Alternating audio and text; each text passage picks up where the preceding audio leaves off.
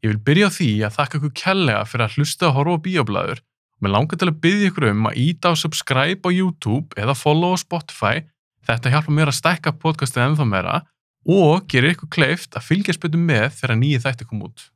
Þessi þáttur er í bóði Sambíóna, Sambíón reyka 5 kveikmyndahús, 1 á Akureyri, 1 í Keflavík, 3 inn í bænum, Álabakka, Kringlunni og Eirsöll Egilsöllin er uppáðs bíómiðt, mér finnst bara ekkert toppa sal 1 í sambjón með Egilsöll.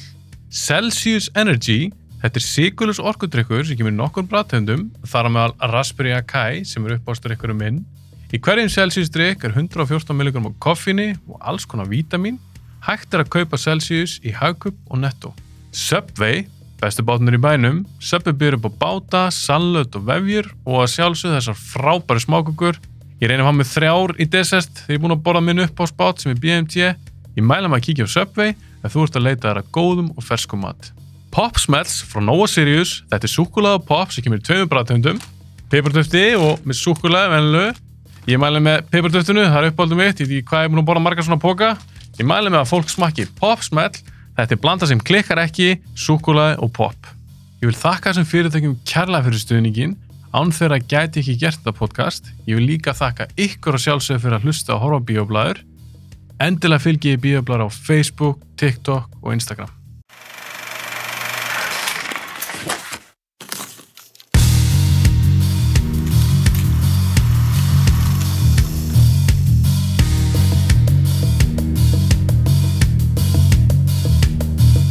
Patrik, mér langar bara að byrja þess á því, þú varst að tala hérna rétt að við byrjum að taka upp, Já, að þú fílar það Fountain elskaði það. eftir Aronofsky. Já, æðisleg. Af hverju er hún aðeinsleg? Sko, ég er ekki með neina, neitt svona beint svar við því. Sko, þetta fyrir að ég ætla ekki að láta þessu síðan með öll svörin við myndinni. Mm. Hún er alveg, ég, mér líður eins og leikstjórun líka hafi ekki alveg intenda það. Mm. En, en uh, Hugh Jackman er bara svo góður í henni, Rachel Weisz líka. Og mér finnst líka bara, bara imageryð í þessari mynd er bara svo eitthvað svo, Stórfenglegt. það er svo stórfinglegt, það er svo töfrandi. Já. Það er svo, það er svo fallegt, svo útpælt eitthvað. Uh, jafnvel þó, ég ætla ekki að láta, eins og ég segi, ég bara veit ekkert hvað á tákna, ég er ekki kristinn enni þannig. Nei. Þannig að ég En hvað var það sem greip þig? greip mig. Þó þú sérst ekki búin að fatta alla myndina eða hvað hann er akkurat að meina. Já, já. Hvaða töfrar eru í henni sem að náðu svona svakalega til þín? Var það, var það sérstaklega þeir, þessi leikarar?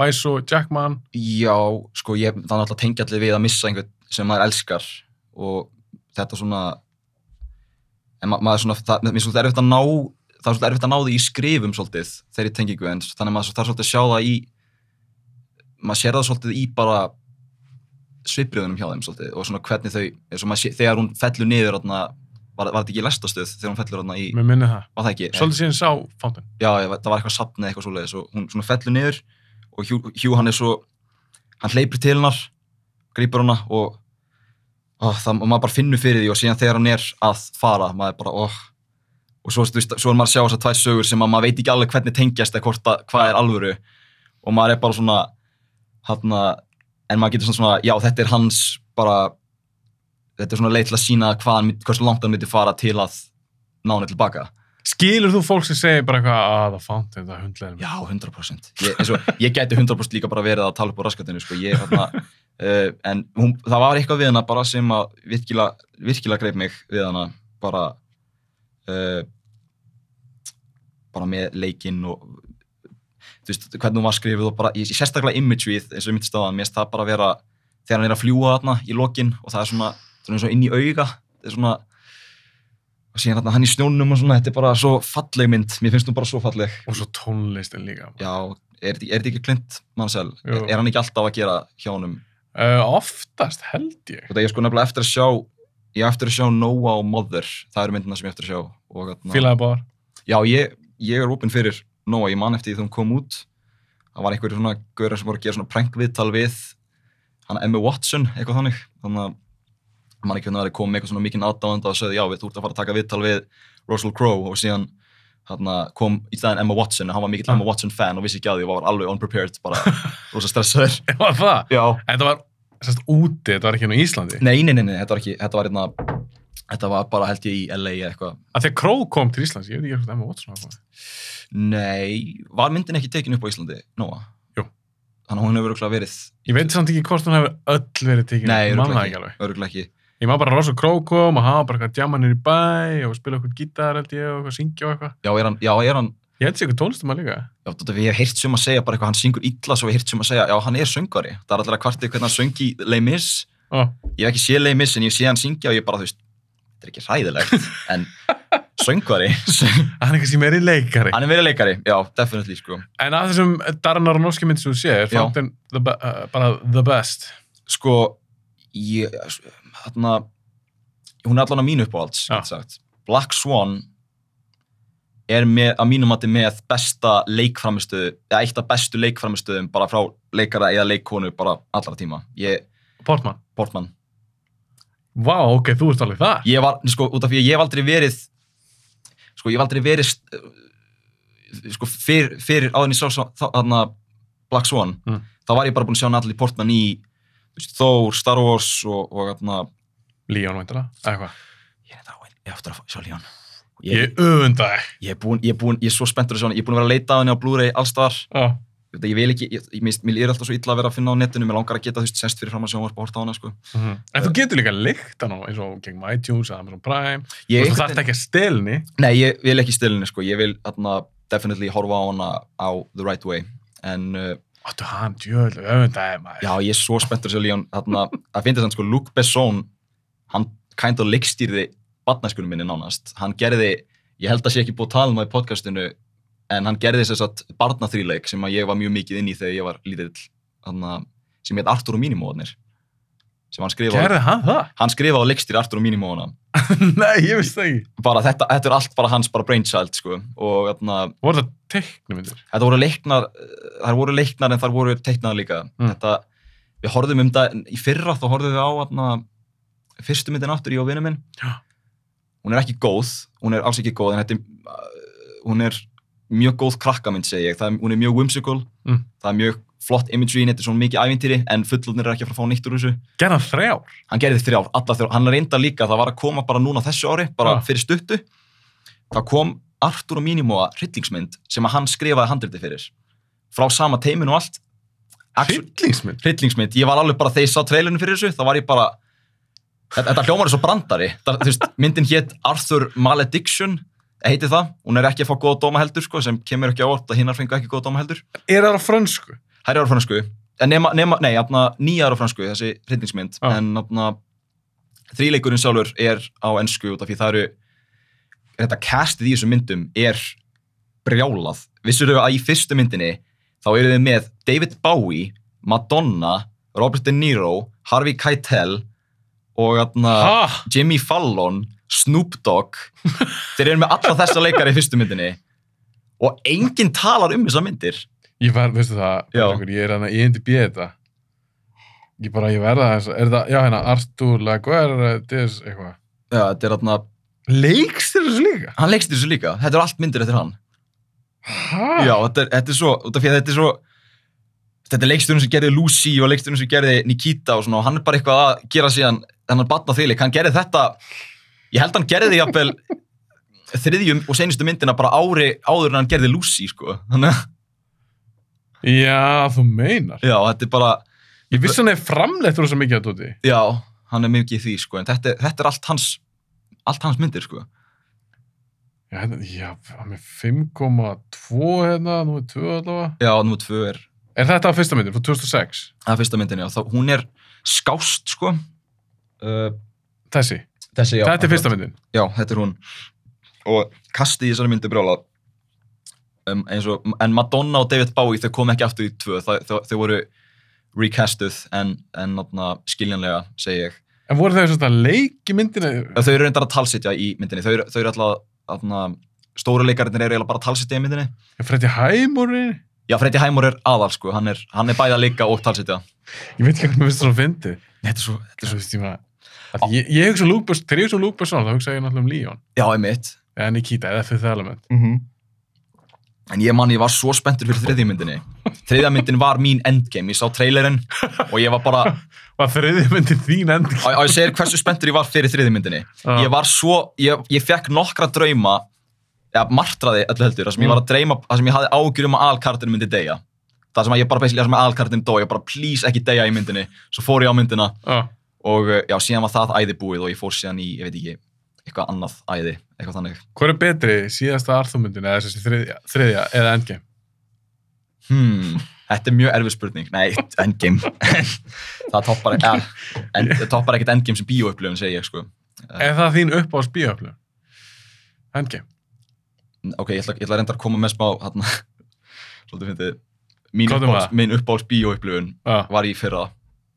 Uh, það var ekki No Way Home, eða jú, No Way Home er mjög, mjög ofalega, en, en þarna, ég held svona, heildilega litið, að uppáhalds bíóupplifun mín hafi verið þegar við fórum á þarna, nýjustu M. Night Shyamalan myndina, hann Old, okkur það er uppáhalds bíóöflun hún var svo léleg hún var svo rosalega léleg Hræðilega, ég sá hana líka. já, þetta- en ég, beis, ég vissi að því fyrirfram þannig að ég ringdi, ég ringdi vinn minn og bróður minn og ég sagði bara, heyrðu það er, við ætlum að fara á grínmynd Já, og við bara vorum með það mentality allan tíman Ah. já bara já, bara við, og við litum á þetta bara sem grínmynd og vorum í hlátaskasti allan tíman bara, hvern, enginn talar eðlilega í þessu allir, þetta, þú veist Þarna, ég sé þetta The Happening líka sem var mjög svipuð en ég held að Old samt takes the cake sko, mér finnst hún vera bara Finnst þér hún verri en Happening?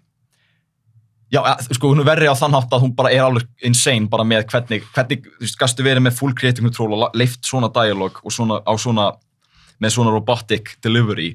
En þarna, Hversu vil þekkjur hans feril? ég er búinn að sjá eh, Sixth Sense, Unbreakable uh, og ég hef séð uh, The Happening, En Science? ég ætti Science, ég ætti svona, hún er á Disney Plus eða ekki? Ég held hún sé, Það getur verið. Disney álega réttin á fullt af M. Night Shyamalan myndum, held ég. Já. Og uh, En eins og það, ég meina Six Sense og Breakable, fannst þú góðar? mér finnst Unbreakable góð. Six- Ekki Six Sense? Jú, jú, mér stund, ég held að segja bara að ég vissi tvisti fyrirfram Já, og þá, bú- og, og þá svona þá, og maður tekur svona svolítið eftir að sagan er að beigja svolítið sínar einn reglur til að tvisti virki. já f- finnst þið það? Já, svona af og til, þetta er svona eins og þú veist, ég var litla stelpan vissi að mamma hennar var að eitra fyrir henni, okkur er sett hún myndavel þarna, okkur fór hún ekki til lauruglunar. Það er svona þannig moments bara nokkur, mörg þannig sko. Já, meina það. Já, en þarna, samt rosa gott, M. Night, mér finnst hann, ég elska M. Night samt, mér finnst hann alltaf, jafnvel þegar, hann, hann, hann er svona þannig að ef hann er vondur þá er hann samt góður, en þegar hann er góður þá er hann samt bara amazing. Hann er, Það ég ætla bara að spyrja því að þú ert búin að sjá nokkra myndir sem hann er gert. já, Þú veist, old, þú veist, svona léleg. já, Þú veist, hvað gerðist? það hvað er, gerist fyrir kveikmyndagjana mann? Þetta er svart og hvítt. ég held, ég er með theory. Hann notar alltaf fyrst, fyrst draft, fyrsta draftið á handritinu sinu. Ekki alltaf. Nei, ekki alltaf, ekki kannski meðan Breakable og, og, og ekki Six Sense. ekki Sixth Sense, nei, nei. Það er, það, hann, það var, þar voru pottir výrættaðar, en Old, þetta er bara eins og hann notaði fyrsta draftið bara með Það mér. getur ekki verið. Nei, þú veist, ég er ekki að segja sér þannig, en, en, en þetta er svona, ég myndi alveg kaupa það, myndi alveg kaupa þetta, fyrir að það meika líka sens, út af að það var eitthvað, hann get, var með eitthvað svona autocomplete interview, Ah, það sem þetta er bara svona það sem hann er með svona most searched questions á Google og svona, og það var eitthvað what is M. Night Shyamalan's next movie, og hann var að tala svona um, og þetta var bara í fyrra, ah. og hann var að segja, hann, hann sagði að hann var að skrifa nýtt handrit og hann var komin held ég á blaðsjöf 50 og eitthvað og svo held ég bara nokkrum vikum setna þá var hann bara að byrja að taka upp myndina eða bara ekki vikum kannski, en þá bara mjög, fyrir mjög st- bara fyrir Stuttu setna, stuttu setna var hann bara að byrja að taka upp myndina byrjar að skjóta myndina. já þannig að ég myndi alveg trú þessu Er það sérst þín kenning það er mín kenning að M. Night sé fann að skjóta myndir og notar þá fyrsta drafti eða kannski fyrstu tvö eða þrjú? já, ég held það út af því að út af því að sko ég, út af, ef, ef þú myndi gera myndir sem eru svona successful eins og The Sixth Sense myndir þá ekki myndir þá ekki einhver lítill hlutið að halda kannski ég er alveg nóg góður ég er alveg nóg góður að skrifa svona að kannski er hann þannig hann hugsa kannski þannig Mhm. En hann er búin að gera svo mörg flop samt. já hann gerði eins og hann gerði náttúrulega The Last Airbender sem að Og hann að hvað heit fucking Will Smith myndin? After Earth reyndar Will Will Smith held ég er held ég mest að kenna um hana hef ég heyrt Aha, já út af því að hann út af því að Will Smith hann er svona leik hann er náttúrulega þú hefur minnst á þetta hann er brandleikari Mhm. hann er svona, þú veist, hann þarf að koma og vera framleiðandinn og hann þarf svona, "Ég- nei, ég þarf að líka, líta, ég má ekki vera of veikur í þessu og mér líður eins og, hann- og það er held ég eitthvað svona þannig að Will Smith svolítið tók yfir productionuna á þessu. en þá, en Lady in the Water, hann er ekki henni. Nei, hann er ekki henni, það, Lady in the Water er allt M. Night, sko. Það er, Fyrst þú góð? ég á hann henni, ég er, svo- ég er samt, Já, þú ert hann henni. ég á hann henni, ég er samt, sko, út að, mér langar að eiga nokkar M. Night inni til að horfa á með fólki, bara til að, já, ætlum að horfa á aðra grínmynd, bara, En þið ger vænt um hann sem kvöngdíkjum. Já, ég, mér, mér, svo, mér, ég elska Unbreakable og mér finnst Split, Splitin þetta finnst hún eiginlega bara góð með James McAvoy, en hún er samt nær náði top 10 uppbóls hryllingsmyndalistanum mínum.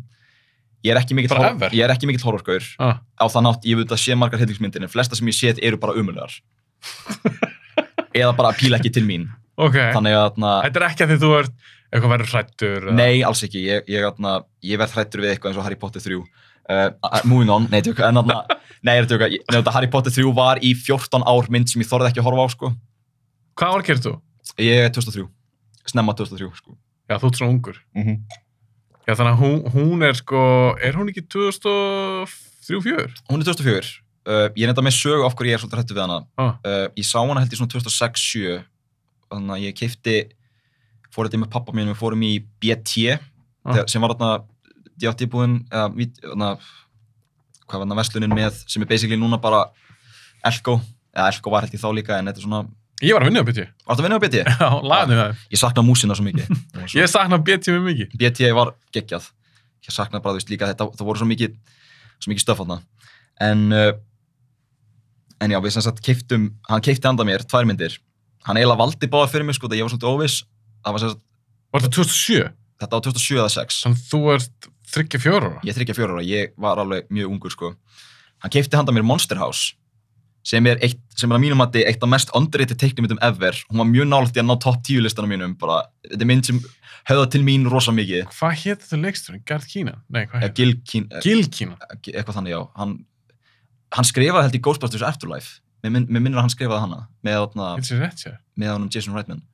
Var, var þetta eitthvað svona Dreamworks myndi? Þetta var, þetta var Robert Zemeckis svona, sem sem ekki. að motion capture myndin, eða svona motion, eitt, eitt hlut af því í rauninni. Monster House, var, það- var hún motion capture mynd? Hún var motion capture, en að mínum mati besta motion capture myndin, svona, þú veist, svona motion capture Mm. mm. teiknumyndin, eftir, eftir allavega sem ke- kom frá þessu image movers dæmi sem að Robert Zemeckis var með. Já, þetta er frá hans fyrirtæki. Þetta er frá hans fyrirtæki og Alveg. hann og Spielberg voru framleiðendur og, uh, Já, Spielberg líka. já, Spielberg líka. Já, einmitt, ok. Ég var einmitt eitthvað að tengja, myndi að vera eitthvað svona frægur einmitt. framlæði. og svo líka sem skrifaði handrit á myndinni að gleyma því marginni, það er gaurin sem bjóð til Rick and Morty og Community þannig að þættina, Uh, ertu að tala um Dan Harmon eða... Dan Harmon Just- Já. Dan Harmon skrifaði Monster House Nei, Jú, þetta er fyrsta myndin hans ég veist það ekki. og maður, það, það eru svo marga góða línur í þessari mynd eins og þarna, hann ringir í vinsinn og hann er bara eitthvað spila töluleiki og hann er bara eitthvað Chowder, where are your parents? My dad's at the pharmacy and my mom's at the movies with her personal trainer það eru svo margar svona góða línur í þessu sem að ég vissi ekki, tók ekki eftir því ég var yngri En svo- spotta út eldri. spotta þér eldri, það er svo margar þannig góðar og hún er alveg frekar gróf fyrir badnamynd líka, þú veist, þetta er hús að geta krakka en Mér, mér, ég, ég kefti hann DFT á sín tíma, Já. bara blind by. já, Mér minna ég mér að þáttum hann skemmtileg. já hún, er, hún er kannski höfðar þetta er náttúrulega mjög mikið nostalgia mynd fyrir mig en ég get samt hort á hana meir en flestar myndir get ég En sagt. varst þú þá þryggjar og röstana? ég, þriggja fjóra, ég held ég ekki verið eldri en fimm ég, út að ég, átt, ég flutti sem til Danmörkur þegar ég var fimm ára og átti heima þar í tvö ár þannig að þetta var fyrir það Ég varst ekki full ungu fyrir svona mynd. uh, nei, sko máli er, ég var ekki hrættur við Monster House Ah. ég var hrættur við Harry Potter 3 sem var hinmyndin sem ég um. kiptum Já, Það var Monster House og Prisoner of, Prisoner of Azkaban. Já, og þarna, uh, málega sko, þeir, ég var ekki búinn að sjá margar leiknamyndir á þeim tíma. Ah. Ég var aðla bara í, þú veist, Pixar og, og, og, og, og þannig myndum. Og ég vissi ekki alveg hvað ég var að fara inn í. Og sem sagt, byrjunatrið Harry Potter fríkaði mig svo út, frí, fríkaði mig svo mikið út, þriðamyndin, Hmm. að ég ándurs bara þorði ekki að horfa á þessa mynd, bara í 14, ni- þú veist, ég, ég sá á atriðið sem ég var svo hrættur við í fyrsta skiptið fyrir tveim árum. Var það í rútunni? Var ekki svo stræt og Nei, það er þegar Frankans kemur í heimsók. Býtu já og hún, hún svífur eitthvað. Já, það, akkurat. Það fríkaði mig út svo mikið út af því að ég bjóst ekkert við neinu, bara Ah. það, það bara gerðist og ég vissi ekkert um Harry Potter, bara allt í einu er hún bara, að fara, eh, þetta fara að gerast og hún bara flýgur út og ég bara, hvað var ég að horfa á? Ég var ekki beint hrættur, þetta bara fríkaði mig út svo mikið. Alltaf að dreyma þetta, þannig ég þorði bara ekki að horfa á þessa mynd í lengsta tíman. Býtu hvernig var það? Blés hún ekki eh, út eitthvað Jú, og svífur sér bara út um... jú, hún gerði það. Fyrir, þessast, hún- bara upp í heiminn, Já, skilur já. Það, er, það var alltaf weird fyrir mig, bara ég var alveg bara, það bara alveg fór, fór eitthvað illa með mig, sko. Eitthvað, ætlaðar að horfa á alla Azkaban myndina þegar þú varst 34 ára? hún var talsett á íslensku þannig ég var actually að horfa hana á, á hana á íslensku og var alveg invested þannig séð, ég bara þó ég vissi ekkert mikið hvað var í gangi Það er alveg skeri dót í henni, þú veist, með varúlfa Já. og... Sér betur fer, ég, við stoppum helmingin á myndinni Já. út af því að þá ætlum við að fara í mat og svona en við bara glemtum síðan að klára hana þannig að ég sem betur fyrir mista varunum, ég hefði skitið á mig það hefði fríkað mig út svo mikið sko. Það er nefnilega ekki það langt sem ég horfði á ég er, að því, að ég er undirbúið Harry Potter þátt Já. og ég horfði á þessast fyrstu þrjár svo fyrstu, eh, fresta tímanum Já. og þannig ég er svona á eftir hérna myndunar ég mm. vil ekki horfa á það og svo árið setna tíkit upp ég vil hafa þetta bara svona fest í minni einmitt, en ég horfði um þetta þriðju og ég Já. var svona, vá, hún er alveg hún er alveg frekar svona skeri já hún er það hún er alveg sko, eins og varúladótið ég horfði alveg á það, eða senast ég horfði á myndina sko. þetta er alveg þetta er vel gert varúla transformation sko. þetta er svona blandað af CG og, og hérna, practical Var það ekki bara CG? ég held að það hafi verið smá practical svona á hlutum allan svona þegar þú veist krippan myndast og Já, svona. já, já, já, það En- getur verið rétt sér en þetta hefði verið of mikið fyrir mig ég fjóra ára að sjá þetta, það, ég veit það bara 100% Allt og ung allt og vungt sko Uh, þarna- en ég fílaði Monster House sem að reyndar er kannski aðeins hræðilegri mynd ef að pælir í því út að húsið er alveg svolítið spooky eða svona svolítið creepy hönnun á því þannig séð og, og, og animation svona monkey en ég horfði á hana miljón sinnum þegar ég var yngri og elskaði hana en horfði aldrei á Harry Potter 3 aftur bara fyrir en mörgum mánu setna Hefur þú séð allar Harry Potter mynda? Já, ég hef le- lesið alltaf bækurnar líka. Ég reyndar á rosa mikið Harry Potter dóti. Ég Ah. á, þú veist, Sprotan hans Voldemort, The Elder Wand og ég á allar bækurnar á íslensku og ensku og síðan fullt af svona spin-off bókum. Ah. Ég tel mér samt ekki vera Harry Potter aðdanda. Ég, Ha? Á hverju, hvað meður þú? ég, ég, var það, Já. ég er ekki lengur. Já, Já. þú meina, já ég skilu, þú veist yngri, þá varstu miklu Já, meira Harry Potter Ég gæði. var miklu meira Harry Potter gæði, svo bara fór ég að sjá meiri floss í því, þú veist, sérstaklega uh, fymta bókin, þegar ég komið þanga þá var ég svona farin að vera svona Æ, þetta er ekkert svo gott samt. Þetta er, En myndirnar, fannst þér að vel hefna? mér finnst það betri en bækunar á þann hátt að út af- Allar. Já, ná, eða sko kannski ekki endilega sögulega séð en Ah. málið er bara sko þær eru bara að adapta bækurnar og gera þar helviti vel Ah. fyrir bara, þarna, það er nú þegar mjög erfitt að adapta bók þannig að adapta sjö bækur og gera það svona faithfully, jú þau sleppu þetta dóti en þau gera það mjög vel og allir leikararnir, það er mjög mikið talent bara sett í þær Að, sammála. með að við bara, þú veist, eitthvað svona dæmi og þannig að ég er með miklu meira respekt við myndindar heldur en ég er með bæk, bókunum sérstaklega svona með eitthvað nútíma dót með J.K. Rowling sem að ég er ektar ekki búin að kynna mér 100% en uh, en uh, já, ég maður er svona farin að taka eftir meiri flós í bókunum en maður gerði þegar maður var kannski svona 13 ára eða eitthvað svona, En eins og bækuna, er þetta eitthvað sem að, er þetta að lesa þetta eitthvað regla, er þetta að kíkja í það regla? nei, ég, ég, ég lesi þar einu sinni bara, Já, þú ert ekkert eitthvað, Nei, nei, nei, ég var ekkert eitthvað það. Ég, ég er ekki, ég hef aldrei verið risa Harry Potter aðdöðandi. Ég hafði þó að, ef þú kíkir heim til mín og kannski lukkar það þannig. ok, sumt af þessu fekk ég í gjöf, sko. Það er þarna, það er þarna, ég var ekki að kaupa allt af þessu. En, uh, en ég gerði svona Harry Potter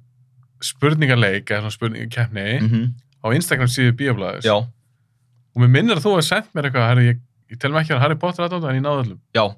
Ég, ég var svolítið hrættur um að þú myndi taka þessu þannig að ég bara, já, það voru ömulega spurningar þá, en ég var svolítið hrættur um að þú myndi taka því þannig, en ég var bara svona, nei, nei, ég er bara ekki mikill Harry Potter aðdöndi, en ég, þetta var meira bara svona diss á mig, bara, okkur veit ég ennþá svona mikið. Var það létt? sko, nei, Hreinskil, örður hreinskil. Nei, mér fannst þetta ekkit létt þannig séð út af því að sumt er frekar svona surface level, eða ekki, ekki surface level, sko. Ah. Þannig að, þannig að, þannig að, Ravenclaw spurningin alveg, ég þurfti aðeins að hugsa hana, en Hvað sagði, hvað spurning? Ravenclaw spurningin, þannig að hver stopnaði Ravenclaw? Já, já, já, já. Ég man ekki alveg nákvæmlega, ég sé alltaf eitthvað Rita Ravenclaw, nei, það var ekki hún. En þú myndir sískinni hjá Rón. Já, ég man það, en stundum var ég að giska reyndar, en, en, en Getur nefnt alla leikstur sem var leikstur Harry Potter myndum. já, það er þarna Cro- Columbus, uh, Hvað Ko- hvað gerða margar? tvær, Korón gerði eina, Newell gerði eina og síðan gerði hann aðna, fuck hvað heitir hann, býtu, David Yates, hann gerði síðan restina. Já. Góður, ég var bara að testa það. Og síðan er það hann aðna, hvað heitir hann aftur, Steven, nei Steve, Klófs. Steve Kloves, einmitt, hann gerði handleitinu öllum eða ekki. Jú, ég held það, Jú. skrifaði hann ekki allt. Hann skrifa, hann skrifa líka, jú hann gerði það og svo skrifa hann líka The Amazing Spider-Man 1. já, það. En var hún ekki með nokkra handur sem það? Jú, það, það er alltaf með nokkra hendur svona, sko. Það, Sem er ekki góð sviði. Nei, sko ég fíla fyrsta Spider-Man myndin er með einum 100% og maður sér það, David Coep og, og það maður svona dialogi er alltaf mjög konsistent í gegnum allt Já. hún er bara mjög vel sögð, bara svona sögulega séð þú veist, þess að ég prófa að horfa á hana með litlu sýstu minni Mm. og hún gætt bara fyllt sögunni Þetta er- þetta- mér finnst hún sína söguna frekar vel bara svona án dialogs Það er auðvitað að fylgjast með það henni. er mjög öðvöld að fylgjast með henni bara, hún er mjög svona strúksuruð bara mjög vel, finnst mér uh, tvö af vísu er skrifið betur en, en það eru fleiri handvitsöfundar þar en bara mjög margir góðir eitt maður sér að það er, fleir, að svolítið margir þar þannig að The Amazing Spider-Man minna Já, Amazing Spider-Man. Já. En Spider-Man 3. Eftir Raimi. sko mér finnst fyndið út að Raimi talar um akkurat hvernig Spider-Man 3 var svona hans þarna, eh, hann, hann fílaði hann ekki, hún var svona svolítið tempered Já. sem er svolítið fyndið því ég kíkti sér hann í IMDb hann er einis, ha- a- af öllum þessum þrejum Spiderman myndunum, þá er Spiderman 3 eina Spiderman myndin þar sem hann var eitthvað að vinna á handritinu sjálfur þannig að, Var það? já, Ég var búin að glema þið. það er aðna já, ég bara allavega það stóð og hann og held í bróðir hans held ég voru s- að skrifa myndina Mm -hmm. en, en svo síðan alltaf hefur Avi Arat verið bara eitthvað, nei, við erum að hafa Venom ég vil ekki Venom, ég voru að hafa Venom það er veist Það er sem gerðist. já, shit, ok, ég hef Venom og Hann vildi ekki það að hann venna. vildi ekki það Venom, hann hatta Venom Og Avi tróð, tróð venna með myndinars. já, en gerði það Er hún hræðileg, Spider-Man 3? Nei, hún er það ekki. Hún er mi- miðað við í dag, mér finnst hún ekki hæðileg. Hún er bara, var ekki alveg tilbúið, fólk var bara ekki tilbúið fyrir hana. Þú veist, hún er ekki perfect, þetta hefði margt, þú veist, hún er alls ekki perfect. Mér finnst hann ekki leiðileg. Hún er alltaf skemmtileg. Þa, það er málið sko, hún er rosa skemmtileg. Ég var miklu frekar til að horfa á hana en The Amazing Spider-Man 2. Uh, Það finnst mér einn bara að versta mynd sem ég hef séð held ég sko. já, ég fíla Andrew í henni, ég fíla þú veist nokkur atriði en heilda, svona heildan litið þá er þetta mjög, mjög brotin mynd. Hver er besta Spider-Man myndin? sko, ég er ég held ég sé með ég veit ekki alveg hvort að fólk myndi vera sammála mér en ég myndi segja að ég sé öruglega einn af stærstu Spiderman aðdáðundum á landinu Ok, bara af karðin. af kartunum, Ah. hann, að mínum, hann er uppáhaldsóvertið mín ég er samt verð að segja myndirnar þetta fílaði allar myndirnar og ólst, hef séðar allar miljónsunum Ah. ég er eiginlega á mjög erfitt með að velja uppáhaldsmynd vegna þess að mér finnst enginn virkilega ná karaterinum svona eins, eins og ég vil persónulega hafa, hafa Ertu það dæmið út frá uh, einhvern svona teiknumyndadótt eða ertu það dæmið út frá teiknumyndasögum? Þú veist, lest- Lestu teiknumyndasögur? já, já, ég, ég ger það líka Þarna, uh, ég hef ekki lesið alltaf svolsög en ég hef lesið alveg Það myndir telja sjálf að vera Já, ég, ég, aðdándi, ég, teiknumyndasögur ég, aðdándi. ég er það sko, ég atna, he- hef atna, alveg lesið fullt af Spiderman bara í gegnum árin og, og, og svona Á, hver, á hverju eru þeir að klikka þá? Ef Þú segir þeir, þeir finnst þeir ekki ná almennilega karðinum. ég held, ég held að séu ekki beint að klikka sko, ég held að séu bara ekki alveg út af því að ég, mér finnst eins og Spider-Verse að mínum að þetta er alveg up there með Dark Knight að mí- myndi ég segja Já, Spider-Wars. já, quality wise, ég þú veist, Dark Knight er auðvitað meira iconic en ég myndi samt segja að quality wise er hún og Logan svona á svipuðu stíi myndi ég segja Ok. uh, en hún, uh, og hún gerði allt mjög vel og, er, mynd, og ég myndi segja að það sem mín uppáhalds bara svona Spider-Man mynd. já, ég myndi segja það en hún var ekki alveg það sem ég vildi fá úr Spiderman mynd sko. því að ég er alveg með svolítið interesting sko Spiderman myndi sem ég langar að sjá Mm. er Spiderman Mafíu mynd Útskýr það eins nánar. ok, ég skal útskýra það en sko það er nefnilega rosterið hjá Spiderman sem er ekki búið að vera að tappa inn í myndunum það er ekki búið að explora það í myndunum neitt sko Komum dæmi. þannig að Mafíu dæmið þarna eins og þá á eftir að, við erum eftir að sjá Silvermane og Silver Sable við erum eftir að sjá Hammerhead við erum eftir að sjá Tombstone við erum eftir að sjá atna, við erum eftir að sjá til dæmis The Spider Slayers við erum eftir að sjá þá það er svo mikið að, þú veist, það er svo mikið að cool Mafíu karakterum í Spider-Man eins og að þú hefur, hefur séð spektakular Spider-Man þættina þannig að Nei, Ég sá, ég sá 90s þættina. svo þetta nefndist þættina ok, Já, það, það er held ég Mikið af þeim. mikið að það, það er held ég eitthvað af þannig sögum í, í þeim þáttum Geðvikið þættir. einmitt mjög góðir Þar mitt sá ég Tombstone og, og Mhm. þá kardra. Tombstone er nefnilega bestur í Spectacular finnst mér Hanna, Er það nýlir þættir?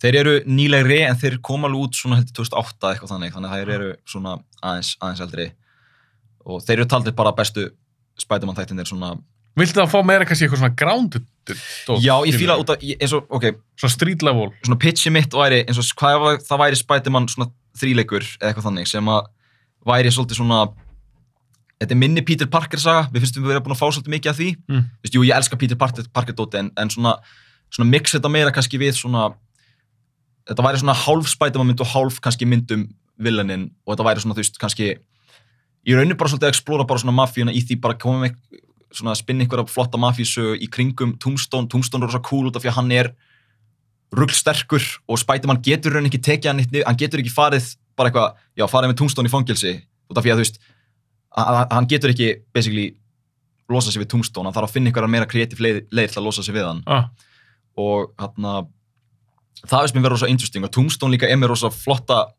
það er hægt að gera rosa flotta hluti með tungstón ég held út af því að hann er albino já, hann var svona sérstætt, var hann ekki svona sérstætt?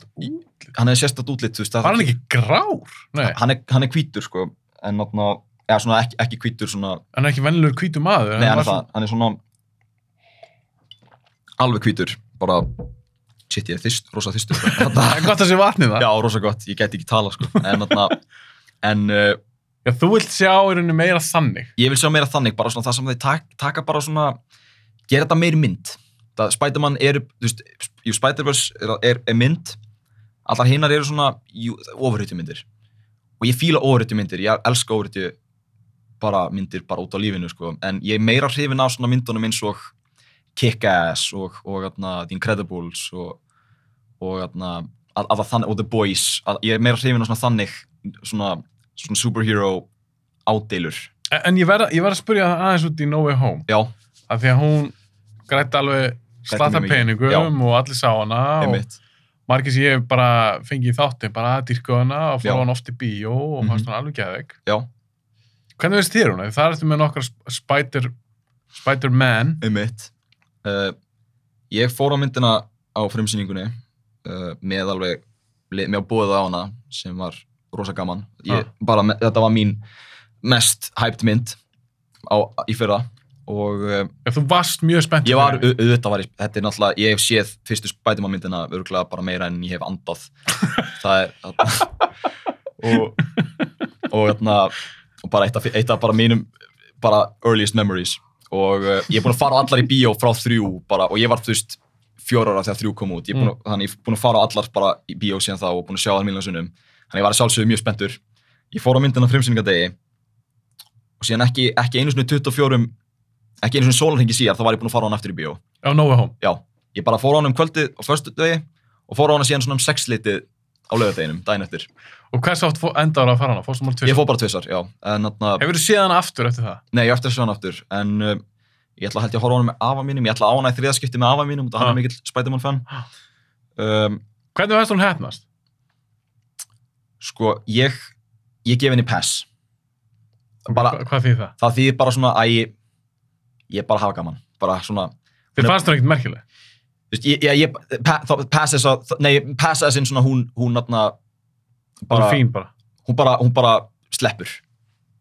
En bara rétt svo. Nei, ok, ok, ég kannski orða það villust, en natna, Kom til að gefa henni einhvern. myndi ég gefa henni einhvern sem uh, aðdáðandi long time aðdáðandi þá gef ég henni þá gef ég henni svona 8,5 Já, ok, þú myndir alveg gefa henni svona... sem, á- sem Spiderman aðdáðandi, bara lit, litli krakkin í mér sem að, sem að hana, hana, hálsbreyt síðan næstu við að reyna að sveifla sér eins og Spiderman eða eitthvað og hann uh, ég, ég gef myndinni það alveg og ég var alveg, Finnst hún ofmetin?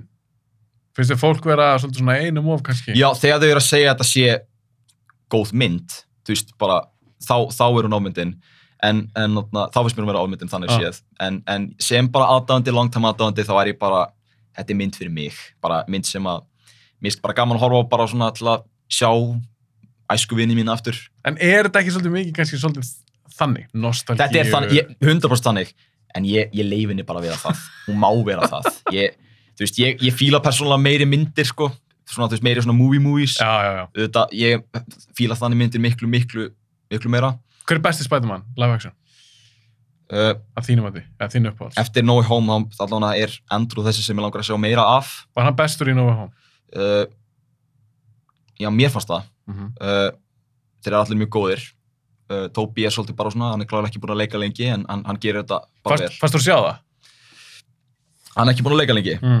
já, hann, hann, hann svona einhvern veginn, mér finnst hann aldrei vita nákvæmlega eh, kannski er þetta bara hvernig hann reyfi munni sinni, hann lukkar alltaf, hann lukkar stundum eins og hann sé að brosa á óviðandi stuð, stöðum stundum svona, eins og óvi- óviðandi tímum svona, Tobi, þú átt ekki að brosa núna þú ert að en kannski er bara mununa svona þannig bara, Kannski er munnurinn hann svona. Sér hvað það er gott. já, og það ég held að hann sé bara svona þannig gaur Hann var alltaf ekki búin að leika, held ég, hvað, eitthvað sex ára eða eitthvað. hann er ekki boss baby, En Það er teiknumynd. það Ah, teiknum ég áreindar Er uh, það nú live action? ég, ég sá senustu myndina hans á undan No Way Home, ég fannst hún alveg freka fín Hvað myndi það? vera? hann Pawn Sacrifice sem var tekin upp á eða um að Bobby Fischer, Já, skákmyndin. skákmyndin, mér fannst hún bara freka fín ekki. hún var tekin upp þarna á Íslandi út af að hann alltaf dó á Íslandi Bobby Fischer bara nálægt bara selfhósið sem er E ég er selfhósingur hann að ég þarna þekkti svona svæðið Býttu, var myndin tekin upp hér? Sem já, sagt, hann tekin upp hér bo- hann, Öll? nei, nei, nei, nei, nei, nei, nei, nei hún Já, tekin bara upp, eitthvað svona kablar. bara þú veist, eiginlega bara Partar. ekki mikið sko, en hún var, hún var tekin upp alveg út af hann tók þarna ég held að final svona loka skákdótið svona climaxið það var tekið upp á Íslandi þannig að hún, svona, hún endar þar í rauninni og það er að vísum mjög langt sín í sána ég hef nýbúin að vera hjá tannlækni, var alveg að drepast uh, þegar, ég, þegar ég sá myndina en ég man eftir, mér ást Tóbi mjög góður í henni og, og hérna, hvernig ber maður nafnið hans fram hérna, Leif Schreiber Ég held að það sé bara Líf, Líf, Leif, Líf Sæbr, ég veit það ekki. Ég er að segja bara hérna, gau- gau- gaurinn sem lék uh, kjaft. Sabertooth, já, í hérna bestu myndaver Æ, Ég verða aðeins að spyrja út í ofriðdótið, þú senst þér ofriðdótið kall. já, Og það er alveg vinsælt topic. Það er vinsælt Eh, topic. Ef ég ger eitthvað Marvel þátt eða eitthvað, þetta er, mhm. þeir eru alltaf vinsælir. þetta er svo mikið í kringum okkur núna Já, þetta er bara svo stórt. Þetta Þetta er er svo svo stórt. Marvel, þetta er bara risa nafn í dag. já, Ég veit þú sagðar að þú ert mikill Spiderman maður og hefur Mhm. gaman að þessu. já, eins og staða bara á Marvel í dag, þessu MCU, þeir Já. eru farin að framlega rosa mikið af bíómyndum, Já. þeir eru farin að framlega rosa mikið af sjónvastáttisserjum. mhm. Hvað ert þú í dag sem Marvel aðdándi? Er þetta fíl þetta? Er þetta of mikið? þetta er allt og mikið ég hataði Love and Thunder og eh, ég eh, og hérna Alltaf eru já, lofum. ég var svo reyður, þú veist, hvernig gáttu þið gert það við nafna minn í alvörunni það er hérna, þú veist ég, ég elska, Ragn- út af því að Ragnarök var mín uppáhaldsmarvörmynd Ah. bara alla tíma, síðan hérna sá ég þess og ég var bara svona, æ, tæka Hvað klikkaði? bara tæka, nei, ekki hann, nei, sorry Var hann að tæka yfir sig? á köflum, en ég held samt líka að stúd, út af því að ég heyrði eitthvað að mynd, myndin var lengri en, stúd, en Bob Chapek sem á Disney var bara eitthvað nei, myndin þarf að vera undir tvo tíma og þess vegna var myndin svona rosa stutt Þú veist, Hvað, okkur fáið þið Christian Bale í eitthvað svona hlutverk þið fáið, ef þið ætla að fá Christian Bale þá verðið þið að láta hann vera aðalkarakterinn eða bara vera með vera, láta hann vera í minnstakosti í svona 50% af myndinni Fast hann eftirmiðlunir í þessar mynd? já, lukkið hans er eftirminnilegt og hann er að gefa hann er að gera sitt best alltaf að halda þessa mynd uppi En fær hann eitthvað að gera? Nei, hann fær ekkert að gera. Það er málið, sko. Þetta er eins og, þetta er svo fórlegt. Hann er, ég heyri eitthvað mjög gott point. Hann sem sagt er reyður að guðutnir er ekki að eh, sinna, sinna fólkinu nógu vel. Já. Þannig að, Jú, er, það- er, það- jú, er það ekki ástæðan fyrir að hann byrjar það að er ástaf fyrir því. út- Hann er reyður út að, þarna, missi dóttur sína á eitthvað? misti dóttu sína. Já. Og þarna, og þarna, þannig að planið hans er að ræna börnunum, að ræna börnum, ekki, ekki einu svona börnum á guðum, bara ræna börnum svo guðutir koma og bjargi þau. Sem er nákvæmlega ástæðan fyrir, sem er nákvæmlega það sem gerist ekki fyrir hann. Þannig að hvað er planið hans? Eða, er hann að, hann er svona, Hvað er hann svona motivation? það, hans motivation, hann alltaf vill drepa alltaf guði við sjáum hann, ekki- við sjáum hann bara drepa þarna ljótakallin í byrjun, þarna sem við höfum aldrei séð séður. maður aldrei séð þaður Við bara, höfum enga tengingu við hennan guð. já, ég er ekki að segja hann sem ljótur an, í andlitinu, bara þú veist, þarna en, Þú þekkti hann sér ófríður. nei, nei, ég, það er ekki gaman að segja það, en þarna bara, þú veist, það er eins og svona hausinn hans var, svona CGI er á einhvern miklu stærri líka, maður lukkaði bara skrítið þarna, en, Fannst þetta hræðileg mynd?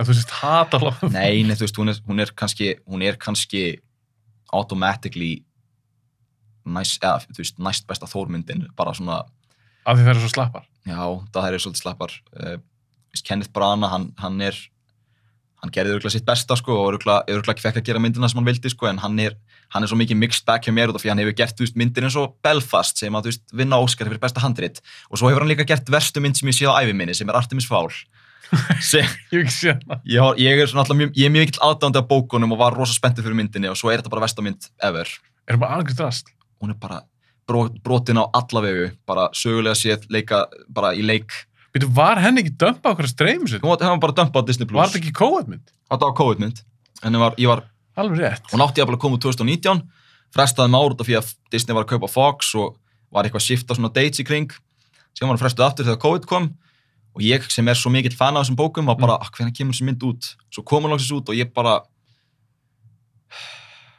ég var ekki eins og búast við mitt líf, ég var, ég var að búast við, ok, hún má vera, þú veist hún má alveg vera eitthvað, þú veist, á söpum skala og eitthvað eins og Maleficent eða eitthvað þannig, mín vegna má hún bara vera bara ok, Ah. en hún var bara svo mikið verri en það, hún var bara e, e, hún er eiginlega bara kontentur fyrir bara eitt af vestu myndir sem ég sé bara Of all time bara já, út af því að, þú veist, út- ok, myndin svo The Room er kannski tæknilega sér verri mynd, en þú ert að fara að skemmta þig meira mynd, verstu myndirnar fyrir mig eru myndir sem að, þú veist, bara ná eiginlega yngu ná ekki að gera það, en ná heldur ekki að vera góð, bara ná einhvern veginn bara ekki í neinu stíi, Hvor er verri? Artemis Fálmyndin já eða Justice League 2017 Artemis Fowl, því að Justice League 2017, eins mikið að ég hata hana líka þá virkar, þá virkar, hún virkar alveg Já, finnst þið það? ja, þú veist, sem dumb popcornmynd virkar hún alveg, þú veist, eins og ég hérna, þú, Ég hata hana ég hata hana líka D- don't get me wrong, ég hata Justice League myndina líka En, þetta, en ef þetta sýnir ekki hversu mikið aftur með sváli verri, þá veit ég ekki hvað, sko.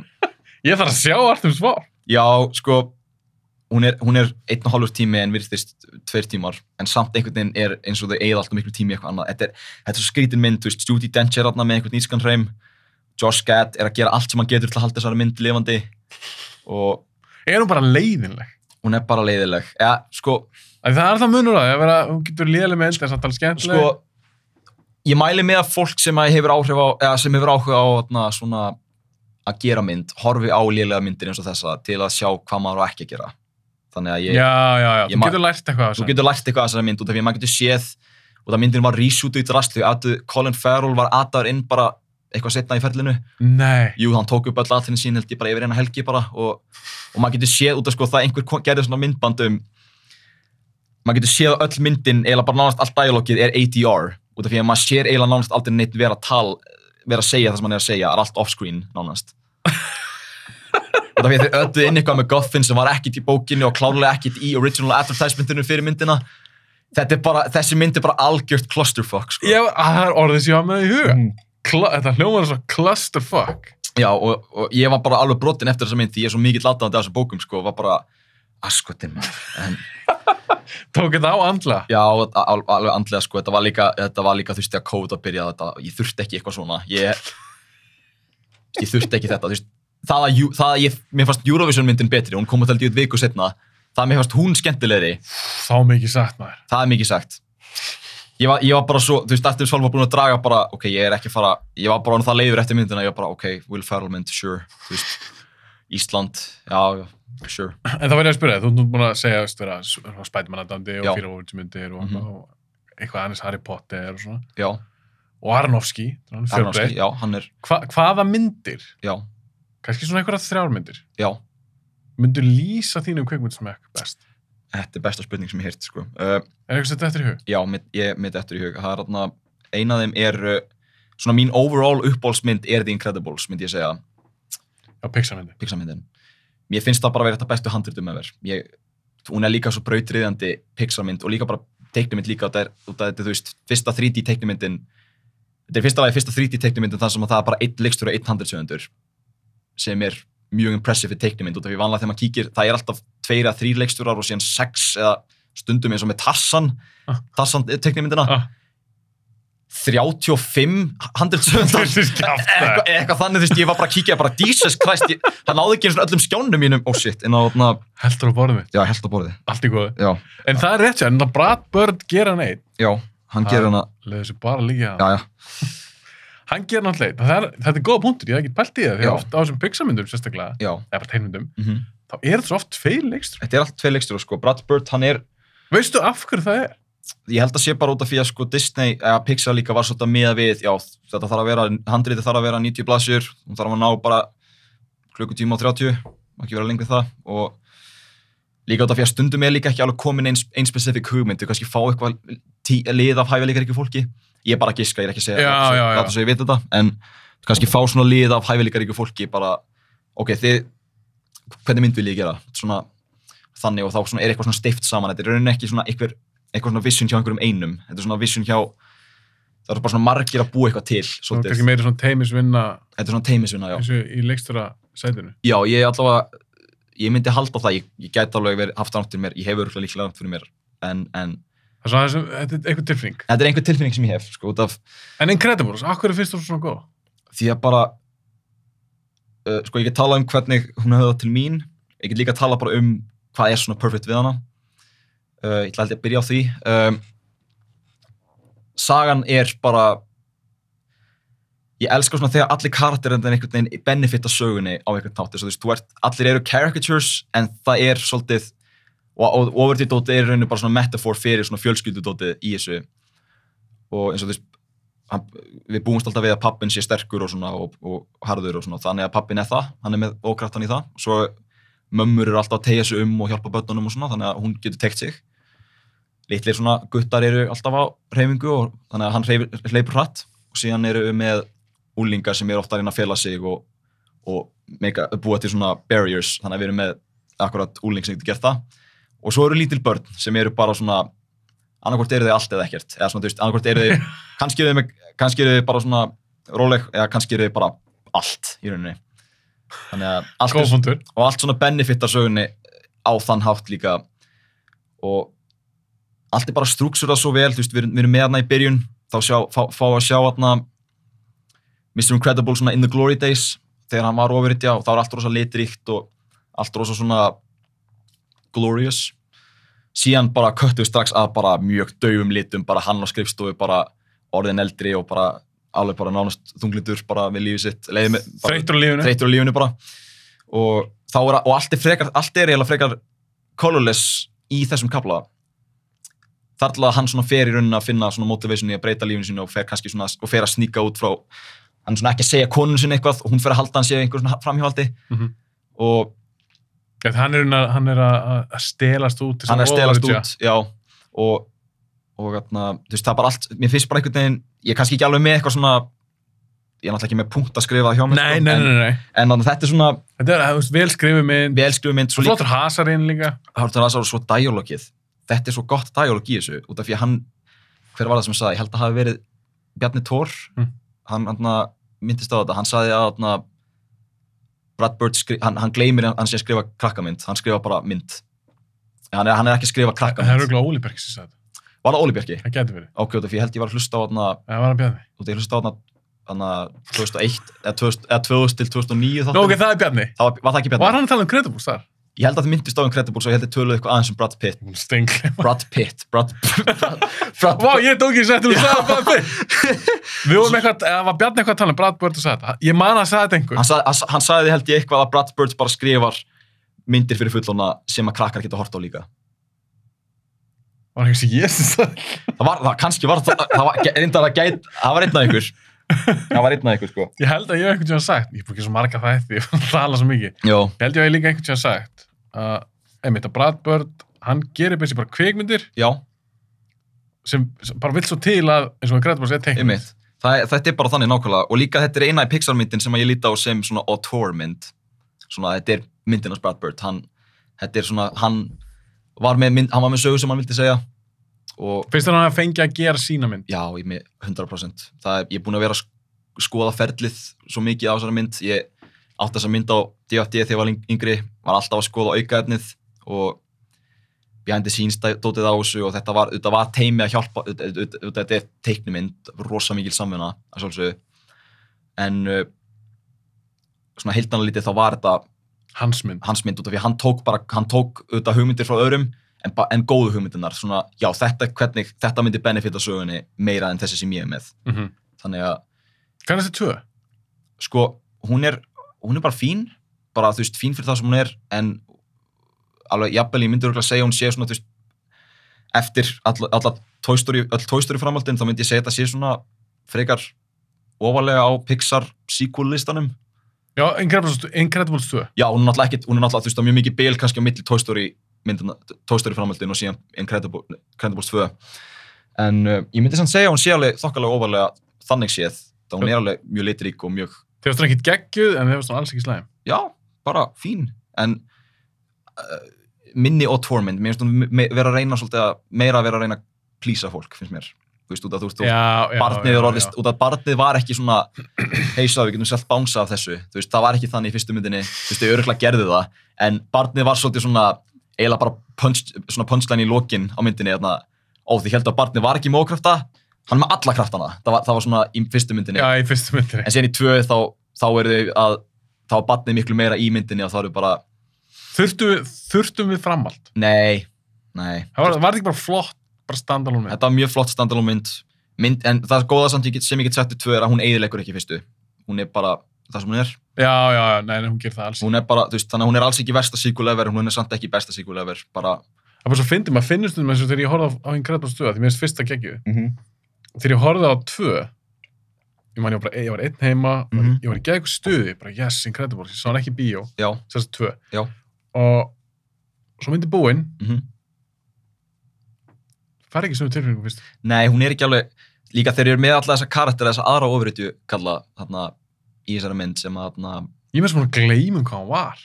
hún var um þarna, já, líka, líka vondi kallin var svolítið shit, sko, það var þarna þú vart með þarna Saul Goodman, þarna karakterinn sem að Saul Goodman lék, þarna Bob Odenkirk Þannig að, Ég finnst það ekki bara að gleyma þess að veit. já það. Ég bara sá hana. Þetta, þarna, En ég maður til fyrstu og það er lengra sinni sá fyrstu. já, fyrsta líka, hún er með svo mikið, það er svo mörg s- set pieces í fyrstu, þú veist, þú ert með skóginn, þú ert með heimahjónum, þú ert með The Glory Days, þetta lukkar stundum eins og þetta sé ekki úr sömu mynd nánast, Já, já, sem er já. rosa flott líka. Mhm. og, og þarna, hún, fer, hún fer líka hún gerir líka svo mikið sko, þetta, er svo, þetta, þetta er svo þetta er svo mikil mynd með svo mikið af svona, góðu, svona góð efni sem ég bara elska Þannig að hún er eina af þessum myndir sem myndir svona lýsa þínum kveikmyndismæk. sem allavega sko s- þegar kemur að myndum svona sem bara plýsa mig bara svona með, hún er með overreitur, elska overreitur uh, og hún er teiknud ég var animator svolítið langa tíma Mm. eða svona, er það svona ennþá svona að minna Já, þú er áhuga á teiknum. ég hef áhuga á teiknumyndum, það er bara ég reyndar, það eru svona myndina sem ég finnst þægilegt að setja í gang svona þegar ég bara vil hafa eitthvað svona í bakgrunnum sko.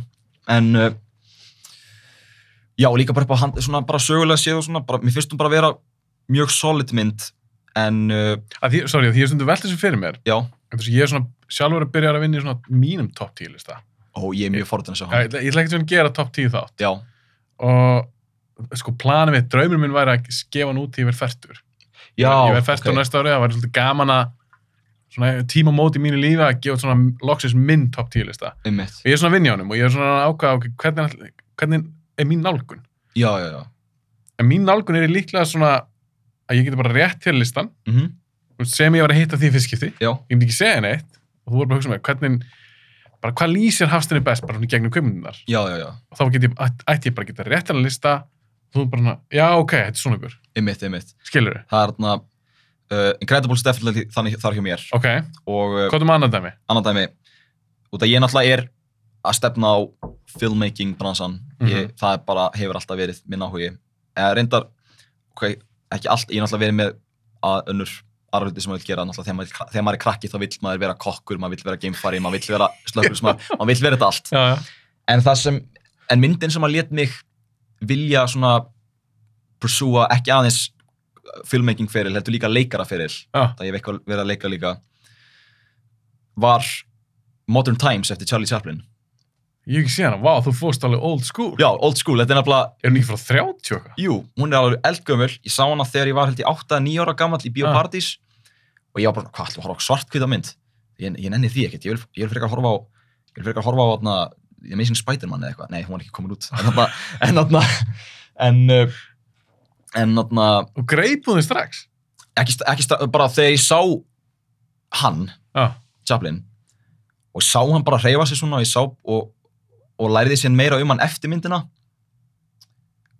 og þú veist, hann var hann kompósaði myndinar, hann leikstýrið þeim skrifaði þær og leik náttúrulega í þeim líka það að hann var að gera þetta, þú veist, bara frá 1915 og bara alveg þar til hann dónanast er rosalega impressive byrju ekki, er þetta svona þetta er ekki svona gana myndir, eða það hann, neða sko, ég hef séð, ég hef ekki séð alla myndina eftir hann, ég hef séð, en niður þess að 1915 það er definitely ein mynd, mynd sem ég séð eftir hann sem var 1917 shit, sem var þarna, ég, man, ég held að var The Ring þarna sem hann er að fara á eitthvað svona hann er að fara á eitthvað svona geðhæli út hann er búin að vera að drekka svo mikið ég hef ekki séð eina tjálunni, ekki, ég sá bara með Robert Downey Jr. já hún var, hún var alveg fín ég er ekki alveg búin að klára hana Nei. en, en þarna, Ég veit að það er náttúrulega tæknilega ekki Chaplin mynd. nei, ég En- mitt en hann leika hann helviti vel alveg, Já, að það ekki. jú, Vá, ég verða þess að indi bjöð. Var, var það svona ógeðslega gamalt? þetta var svo gamalt og það að hann var að gera þetta, þú veist sko bara það að semja tónlist líka fyrir myndina er mjög impressive og, og líka það að hann sé að leiki sinu, hann, þú veist, hann, hann var að gera þetta svo allt múlíkt eitthvað Já, hann er svo mikill allt múlík mann Æ, er, er, ekki- er ekki fólk en þá að segja það í dag svona, er ekki, jú, en þarna uh, ég skilin það ég alltaf. skilur mig á og það- þetta- þetta leitum bara svona ok, ef hann gætt gert þetta þá þá hlíti ég að geta gert þetta í dag líka það, þannig að ég var svona Já, ég Já. skilin þú fyrst svo innblástur ég fekk svona innblástur, ég fekk hann svona Já. þannig þannig að, eins og, eins og til dæmis myndin sem við erum að taka upp núna Mm. þarna fyrir stuttó þetta er svona þetta er svona uh, sci-fi action adventure stuttmynd svona mockbuster í rauninni Metnaðfullt. já, svolítið metnafullt, við erum alveg þetta er alveg orðins, þetta er definitely stærsta mynd sem ég hef gert, sko, Þú ert í MH. ég er í MH Já. og uh, uh, við gerðum átna stuttmynd í fyrir páska sem hétt Klestan, Mm ég er búin að sjá þú er hann. búin að sjá hana Skemmtilega klikku. skemmtilega, hún er svolítið klikkuð og atna, uh, alveg smá umdeilt en, en uh, í það er eiginlega það sem ég mér finnst tæla betra ef hún væri bara, já, hún er fín, þú veist, minnst það skára. En það er það versta ef að fólki bara alveg saman. Já, já, alveg sama, en fólk er nefnilega ekki sama, sko, fólk, út af við tókum, við, við syndum myndina fyrir framanfylgta fólki, í MH, og við tókum vídeo af reaksjóninu þeirra og, og fólk man eftir henni, fólk man eftir þessari mynd og Ég meina, ég var að horfa, þetta er bara tíminn að mynd, Mhm. stöðmynd. Og ég ætla ekki að segja nákvæmlega, nei, nei, nei, ég ætla ekki að segja nákvæmlega hvað var sem að kemur í myndinni, en ég man að, að ég, eh, sem sagt, ég horfa hann bara í dag já, og ég var bara svona, já, þú veist, ok, já, já, Já. þetta þetta er fínt, já, já, Einmitt. fínt. Svo bara, búm, kemur þetta. já, Og ég, það liggur og ég var bara svona, ok, hvað, býttu, býttu, já, má þetta? einmitt þetta má ekki, það, og það er nefnilega það sem við erum að sína þetta má ekki, þetta, þetta má ekki, sko en, uh, ég ætla- án þess að segja hvað gerist en, uh, Þá verð, sorry, ég verð að spyrja það um því, já, svo heldur hann með Chaplin-nummer hana. já, að því að þú, að því þið, að þú eða þið gerir þessar stöðmynd já, eitthvað sem kannski er ekki algengt í dag já það er svona, já, fólk er ekki að gera þetta mikið allan ekki í einhvern stórum holvudmyndum nei, nei, nei, hvað finnst þér um að vera listamaður sérst í dag Finn, Já. finnst þér ég hef allan persónulega verið alltaf á þeirri skoðun að minnst að listamaður er að geta tjáð sig einmitt þú veist, þessi listamaður þá er tónum út og um konu líka já, já, sjálfsögðu að geta tjáð sig mm í gegnum sitt verk Já. án þess að vera dæmdi fyrir það, eða dæmd fyrir það já, akkurat, skilur við, ef þú gerir, tökum bara eitthvað Íla Roth, gerir hostel já, Þú einmitt veist, já, það er eitthvað svona torture porn mynd og það er verið að pynta fólk og eitthvað já, maður heyrði stundum bara eitthvað djöðlir Íla Roth klikkar, hann er svo klikkaður hann er svo Einmitt. klikkaður, já. það þarf ekkert að vera því hann gerir svona mynd, nei, alls ekki, sko hann, skilur hvað við hann var auðvitað að reyna að segja eitthvað þannig er svona stöfnið þín, já, þó að sé svona atriðinni, já, þá er ég ekkert bara eitthvað voðalega Patrikur klikka, Nei, einmitt, ég, ég er líka það var svona pínu, ég var pínu hrættu við það sjálfsög og við áttum auðvitað, við tölum yfir leikarana og allt það og bara svona viljum við gera þetta og, og, við, og allir voru samt á sömu blaðsjunni að þetta var að við vorum ekki að meina nýtt illa með þessu við erum að reyna að varpa ljósi á eitthvað mm -hmm. með þessu, þegar hann að segja eitthvað við erum að reyna að segja eitthvað og uh, leiklistakennan var, var að vísu hann var svona, æ, vil ég gera þetta en, en þarna Þetta var, satt svolítið, fynd- þetta var svona svolítið fyndin mynd út að þetta var byggt á spuna sko, sem að aðleikarinn var með þarna, í leiklist Já. þetta var svona, þú veist, það var svona eitthvað office meeting eitthvað upp á sviði og hann átti ekki að vera í spununum en út af því að við vorum á mörg Já. þannig að hann sem var bara aðdarinn í hópinu og hann bara stóð þarna bara með derhúi bara, og, og ég var bara svona, ok, hvað var einhver fáviti bara að trubla eitthvað pitch meeting og handriti var til á einum degi ok, bara á einum degi sko og þarna við að sjálfsögðu lögum það og svona þú skrifaði það, ég skrifaði, já og hvort er skemmtilega að skrifa það leikstýra? uh, ég skrifa til að leikstýra þannig að Já, ok, já, Já. ég skilji, Já. ég skilji. það er þetta svona, ég líti á þannig sko ég er bara svona, skrifa fyrst, bara einbytti mér að því og síðan bara, djöðla ekki að leikstýra þessu þetta er svona, Já, þú ert spennt, ertu spenntur sérst fyrir því? ég er spenntur að kla- nei sko, ég, það, mót, það mótum við þetta með að skrifa mér reyndar reyndar finnst líka mjög gaman að skrifa eins og, um, da- eins og í fyrra, þá var ég í svona ennsku graphic novels áfanga í MH Já, og við vorum að, áttum að búa til ofurhetju og ég er svo mikill ofurhetju gaur, ég spurði, heyrðu, má ég gera lið á ofurhetjum? Og síðan viku setna, ég skilaði inn 96 blaðsíða drafti af ofurhetjumynd með þessum karakterum. ég skemmt það. Ég er ekki að grínast. Þú komst lengi að skrifa um það. Bara viku. Tva- en, en, viku- en viku og hálfa kannski. Það var það gott. Já, ég er mjög sáttur með hluta í því. Þetta er náttúrulega first draft, en ég er sáttur með þetta first draft. Það, Ok, ég ætla, ég ætla kannski ekki, ég ætla örugglega ekki að fara að gera neitt með það, en ég var mjög ánægð með það. þú vilt hann að gera það? Ég gerði það, þó að þú veist, þe- eftir það þá var ég bara, oh shit, ok, ég, ég, ég get þetta, þannig að, En það er mín spurning til þín, já, í sambandi við þetta, þegar við erum að tala auðvitað um bíómyndir, þetta er allt feik. þetta er allt feik. Hvað finnst þér, er allt leifilegt? sko, bara Eigar að mörg? tökum til dæmis myndina þarna uh, það ég hef ekki séð hostel, ég væri til í að tala um hana ef ég vissi ef Eitthvað ég, sem Sörbjörnfilm? uh, nei, en, Sko mynd það. en ég, ég, ég þóri ekki að sjá hana það, ég uh, uh, Er það sem Exorcist? ég, ég, ég, á- ég hef ekki klárað hana en ég hef séð, ég séð hana svona mestuleiti held ég Hver er ógíslegsta mynd sem þú sé? ógeðslegasta mynd sem ég séð var Sausage Party Sausage Er það að tala um teiknumyndina? Já, ég bara gæti ekki borðað í viku, sko. Það, ef þið viljið fara í megrun og horfa á Sausage Party, það, það segi ég, sko. Ok, hver er ógíslegsta leiknamynd? sem þú sér? Leiknamynd sem ég séð, ok. Er eitthvað dettur í hug? Já, uh, Human Centipede, sástu hana? nei, út, af- ég, ég er ekkert eitthvað að sækjast eftir ógislega myndi, sko. Um, öruglega bara, þarna, uh, þetta er mjög, ég myndi óskast að ég væri búin að hugsa út það. Ég var um daginn, það var einhver ógstlega mynd sem ég sá fuck, hvað mynd Hver er erfiðasta mynd sem þú sé? erfasta mynd Svo er bara eitthvað, úff, þetta er... já, ok, jú, ég veit hvað Þetta er mynd það er þess maður, þetta er að... Ó, jú, ég manna núna, Ok. það er segjum bara þessi ógstlega, ógstlegasta mynd líka Ok, okay. þetta var mynd sem hétt oh, shit, ég manna það ekki uh, get ég hjálpað, er þetta frægmynd? nei, þetta er dönsk mynd sko, það er, Ó, ok. það er málið og ég, ég er mjög mikill latandi að dönsku kvikundum en þessi mynd bara einhvern veginn, hún hún var mjög velgerð ég bara þó mér fannst hún ógíslega mér finnst ógíslega myndir geta verið rosa velgerðar og velleikstir og allt það, ég Algjörlega. vil ítrykka það og þessi var það, mjög velleikinn og þetta var fræga danska leikona sem kom held í fyrra á Riff, man ekki hvað hann heitir þannig að, Ó, ég er svo lélur í einhverjum dönska myndum. já, ég, ég man ekki nefna hennar en Ok, ég verða að vita hvað mynd er. já, hún hann að, ég get, ég get flettinu upp út að ég veit hvað leikona þetta er Ok, en, en uh, allavega eins og sú mynd. Sú mynd, já, sú Akkur atna, nógsleg, akkur og út af erfið. því að hún er sérst um atna, þetta er svona það er svo hjón sem að atna, er að pappin er að fá svon sinni í heimsókn og þetta er stjúp mamma hans í rauninni Ah. og atna, hann er svona smá bad boy atna, stjúp sonur hennar og one thing leads to another og þau enda bara með því að vera að snunda kynlíf saman og þetta myndi eitthvað svona skrý, skrítið ástasamband það var og, og, og hún eiginlega basically eðilöku lífið hans í myndinni Shit. og þetta var ógíslega mynd alveg, ég bara, ég bara vildi ekki horfa á þetta ég, en ég var, út af ég var í svona dönskum kvikmynda áfanga Ah. ég var bara, þetta er ógíslega mynd þetta er, En var hann áhugaverð? hún var áhugaverð alveg og líka endurinn var rosa svona það, ég vil ekki spoila endanum út af því þetta er alveg mynd sem að, jafnvel þó hún er ógíslega og ég vil ekki sjá hann aftur þá er þetta samt mynd sem ég finnst að fólk ætti að sjá út af því ég, var, all- ég rætti viðfylgt af fólki um myndina ég var bara svona er þetta, er þetta í lægi? Var, er, eða, þú veist, Á að banna svona myndir? ekki, nei, alls ekki það var ekki að banna svona myndir sko. það, er þarna- Á út af- að reit sko að list? Sko, ok, ég ætla að tökum þessa mynd sem dæmi. Ef það væri verið að segja, já, það er í lagi að ríða stjúpsinn ykkar, ef Ah. það væri í lagi. Eh, Nei, ef, ef, það, ef hann væri að segja það Ef leikstjórinn. það væri skilabóði? Ef það væri skilabóðin, þá bara, þá er þetta ekki, verið- þá er þetta ekki í lagi. En út af myndin er að, hún er ekki að segja, já, geri þetta. Mm. Það væri mjög skrítið. Hún, hún er, hún er að- Bóðskapurinn er ekki á þá leið. Nei, bóðskapurinn er ekki uh, að þetta sé í lagi. Bóðskapurinn er hvað, hversu bara mikið fokk þetta er. Að- að- Þannig að na, þá fæða pass að mínum að þið. Það er svona, það er eiginlega svona, þú veist, uh, ef, ef, það er, ef það er að gera eitthvað stöf, eitthvað svona shitty stöf, uh, eins, eins og þetta, þá var ég bara að vita, ok, er þetta hvernig leikstjórin, er þetta það sem leikstjórin er að reyna að segja?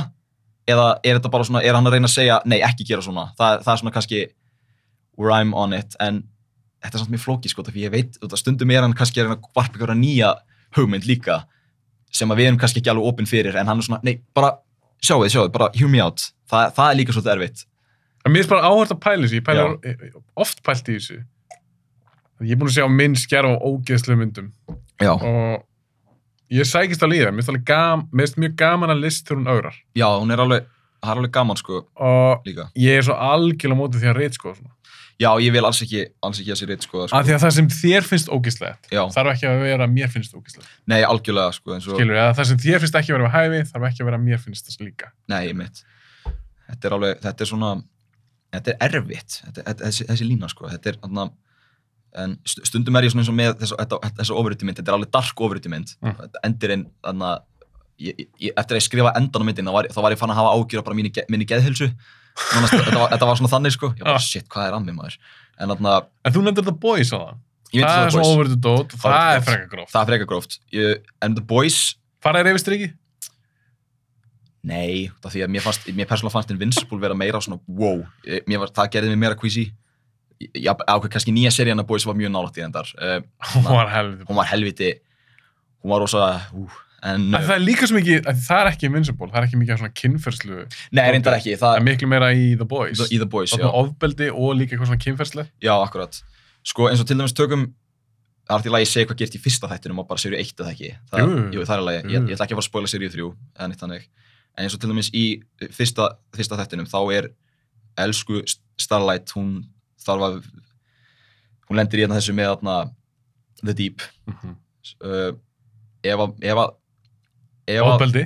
ofbeldi ég, ég myndi segja ef að þættinu voru að segja hann er að gera þetta Vist, ef, að- ef, að- Þetta er töff. þetta er töff þá, þá, vil- þá vil ég þetta ekki þá vil ég ekki sjá þetta en þetta er augljóslega að sína hversu malicious deep, the deep er það, það, það er ekki verið að glorify the deep segjum það. Nei, nei, nei, nei, nei. og þá það það er svona þá veist mér svona vera að segja eitthvað Já, þið finnst vera, þið finnst þess að sé eitthvað point frekar með þessu, Já, eitthvað heldur en point. sé bara þess að sjokkra. einmitt, og það er svona hvað við vildum ekki gera með klæstan það, við vildum ekki, þú veist, jú, þetta er sjokkarandi Í- það sem gerist ég vona að fólk sé að fara að nenn að kíkja á þetta er á YouTube undir miljón andabrandarar eða vil kíkja, Fólk verður að tjekka svona, því við erum ekki búin að segja við erum nákvæmlega. ekki búin að segja nákvæmlega þið, þið kíkið á þetta og síðan komum tilbaka uh, en þarna uh, já, við vildum bara svona, þú veist, jú, þetta er sjokkarandi en við erum svona þetta getur alveg gerst, þú veist, þetta gæti alveg gerst og þetta er eitthvað svona sem við viljum ekki við viljum ekki hafa svona fólk í svona stöðu, seg,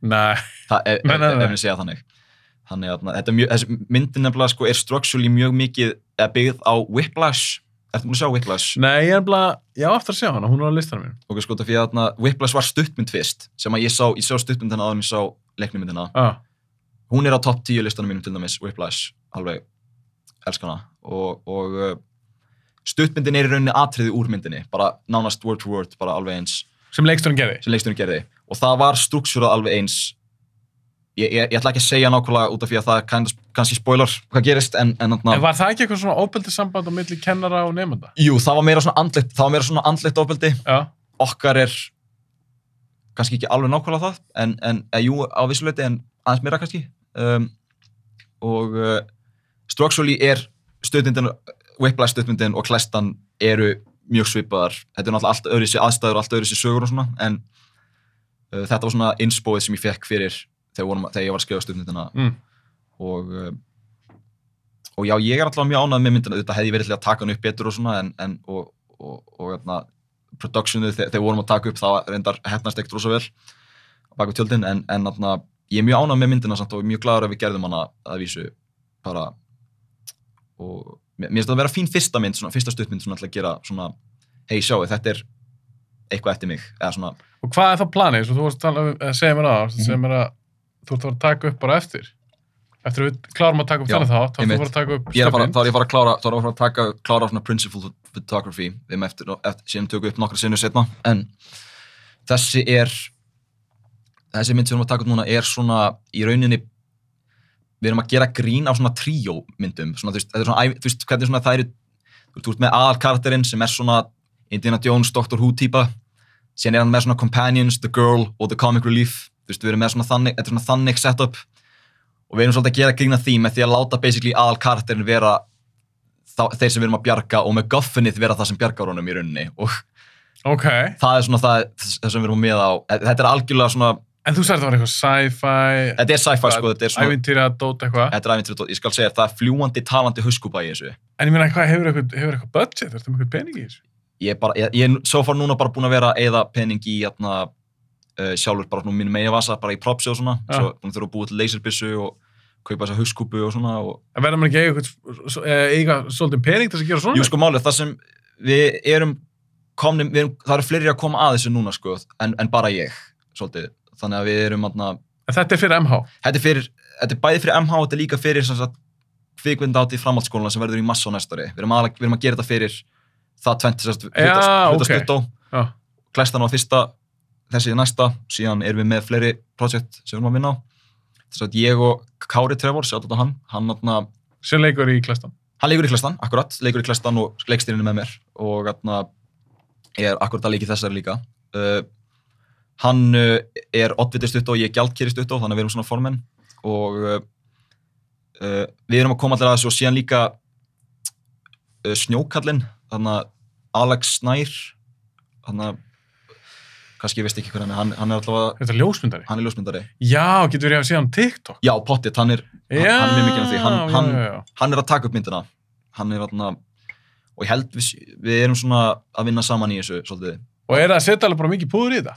við erum að setja, það eru ég get sagt að það eru alveg nokkur stóri leikarar í þessu það, Það byrju, hvað er að tala? um? Við höfum þetta, þú veist, þú tala, þetta er stuttmynd. þetta, er stutt, þetta er náttúrulega Stutt. stutt Þetta tímyndur, fintamyndur. sko handrit er 23 plásiður þannig að þetta er kannski svona 20 mínútur, 17 mínútur Og eitthvað þú svoleiðis fegst eitthvað þekkt að leikara. Já, ég er náttúrulega þekk, þetta er náttúrulega Ísland Mhm. þannig að það, við þekkjum alltaf einhvern sem þekkir einhvern þetta er mjög, eða það, sko ég myndi segja að Ísland er auðvitað nær Hollywood en actually að búa í Hollywood það er auðvitað léttara svona að Að gera eitthvað hér. já, eða svona, mér finnst léttar að gera eitthvað hér þú veist, svona, og fá aðtegli fyrir það heldur en að, að ég get ímyndað að það eru miklu fleiri í Já, LA, já, þú veist, miklu svona þannig, stærra, miklu já. Mhm. starra og svona miklu meira vesen og, þannig að þú veist, það er miklu léttar að heyri fólki hér og svona ég, ég ætla ekki alveg að segja strax hvað leikar þetta eru út af því að svona, Nei, ekki, ekki gera ég það. ætla ekki að gera það en uh, En gaman að heyra maður. ég, ætla, ég ætla líka að segja að það er svolítið fyndið út af því þú gerðið Greyman þátt Já.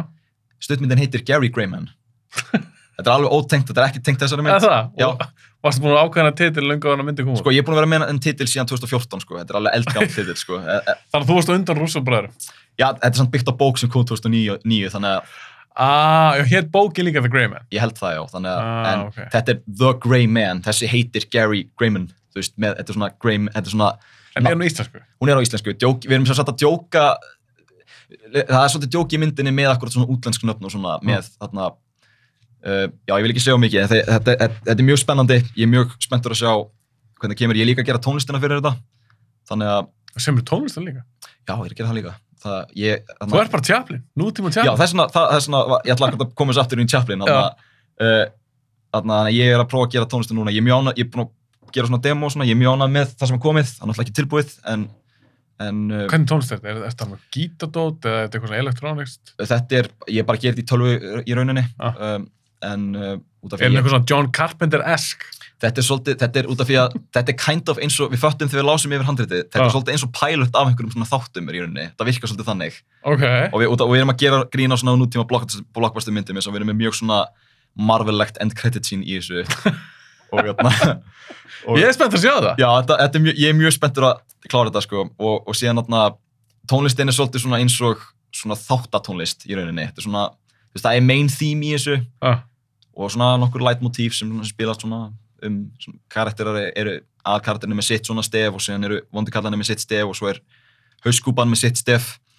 Þannig En að svo, já, sorry, ég ætlaði að spyrja til það líka. Já. Þú sagði að það var eitthvað fljóandi hörskúpa. það er talandi fljúandi hauskúpa í þessu. Gerur það bara í After Effects eða hvað? Uh, það, við erum með okkar leiðir.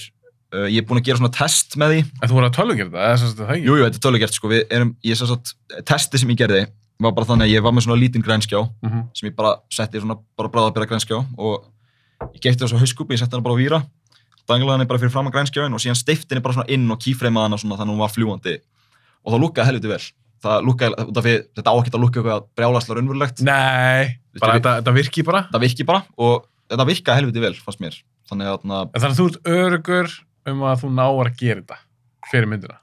Já, algjörlega, við, við erum sem sagt líka akkurat Alex sem er að taka upp hann er með Studio og við erum líklega að fara og hans, ég, ég akkurat tók mig út af við vorum að taka upp á förstudaginn, þá Ja. vorum við að taka upp í svona Secret Base út af því að þetta er svona því að vonduköldunum þannig að og ég tók mig grænskjón út af því að ég vildi svona ná lýsingunni rétt svona, að við tökum upp hauskúpuna hér bara, allt Ja. með því, sem sagðan bara við líka bara að taka þetta upp við, við grænskjóin hjá mér og ég bara jú, það er miklu Þú vissir ekki að það var í bóði. ég vissi ekki að það var í bóði, hann bara sagði það og ég bara, ok, geggja, þá bara þarf ég ekki að hafa ágjörð þessu Þá bara, Og hvað er svo, ég meina, framaldið, draumurinn, það er að gera hvað, nokkra stöðmyndir? nokkra stundundir, stundundir ég er með nokkra, nokkur handrit ready uh, svo er ég alltaf að skrifa ný En þess að fara bara í svona feature length mynd. ég hef náttúrulega, uh, já, mér langar mjög mikið að mér lang, það er draumurinn náttúrulega að gera, gera svo leiðis Ertu með eitthvað svona í huga á þess að, án þess að segja um mikið? ég skal, seg, ég skal segja það, ég, Eitthvað svona típa mynd sem var til að gera sem þína fyrstu feature length mynd? já uh,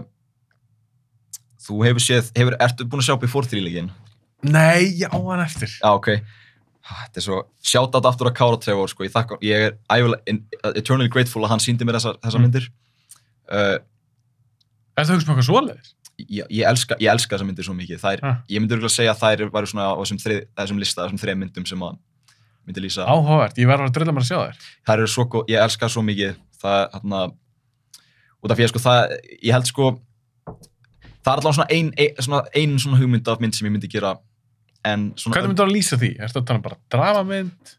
Hvað er sérstætt við before myndina? þær eru bara svona þær, mér finnst það svolítið svona ná það sína svolítið það að þú þarft ekki alltaf brjála sögu til að gera góða mynd bara góða karaktera í rauninni og bara Mm. vel, vel, skrif, vel skrifa karaktera Sammála. og það er svolítið svona sem að þarna, það fyrst, þá, ertu, þá, þá er það í rauninni bara það sem skiptir máli þú veist, þú kannski skri- kemur með eitthvað draft og hittir leikara og bara, já, hvernig myndir þið orða þetta svona og hvað eru þið að pæla svona, bara gera þetta svona smá samvinnu það, það er svona en þetta er svona aðalega svona upp á budgetið svona, út af því það væri ekkert svaka erfitt að gera einhverja svoleið- svoleiðismynd Já, ég meina, eh, segjum að þú, þú myndir vilja gera eitthvað svaka sci-fi mynd, þannig að það myndir kosta mjög meira pening. Mhm.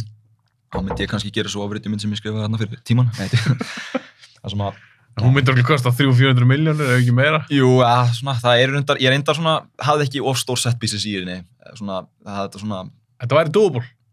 ne, en þú veist, nei, ekki, hér, ekki hérna, sko, það, það er alltaf á einsku, þannig að þú veist, uh, En þegar þú hugsaður um framtíðina já, og auðvitað á maður að taka bara eitt dag í einu og eitt verið daginu, já, um, um framtíðina, akkurat. Uh, Hugsaður með bara, eitthvað, vá, ég væri til að flytja til Hollywood eða viltu flytja að gera myndir bara í Európu?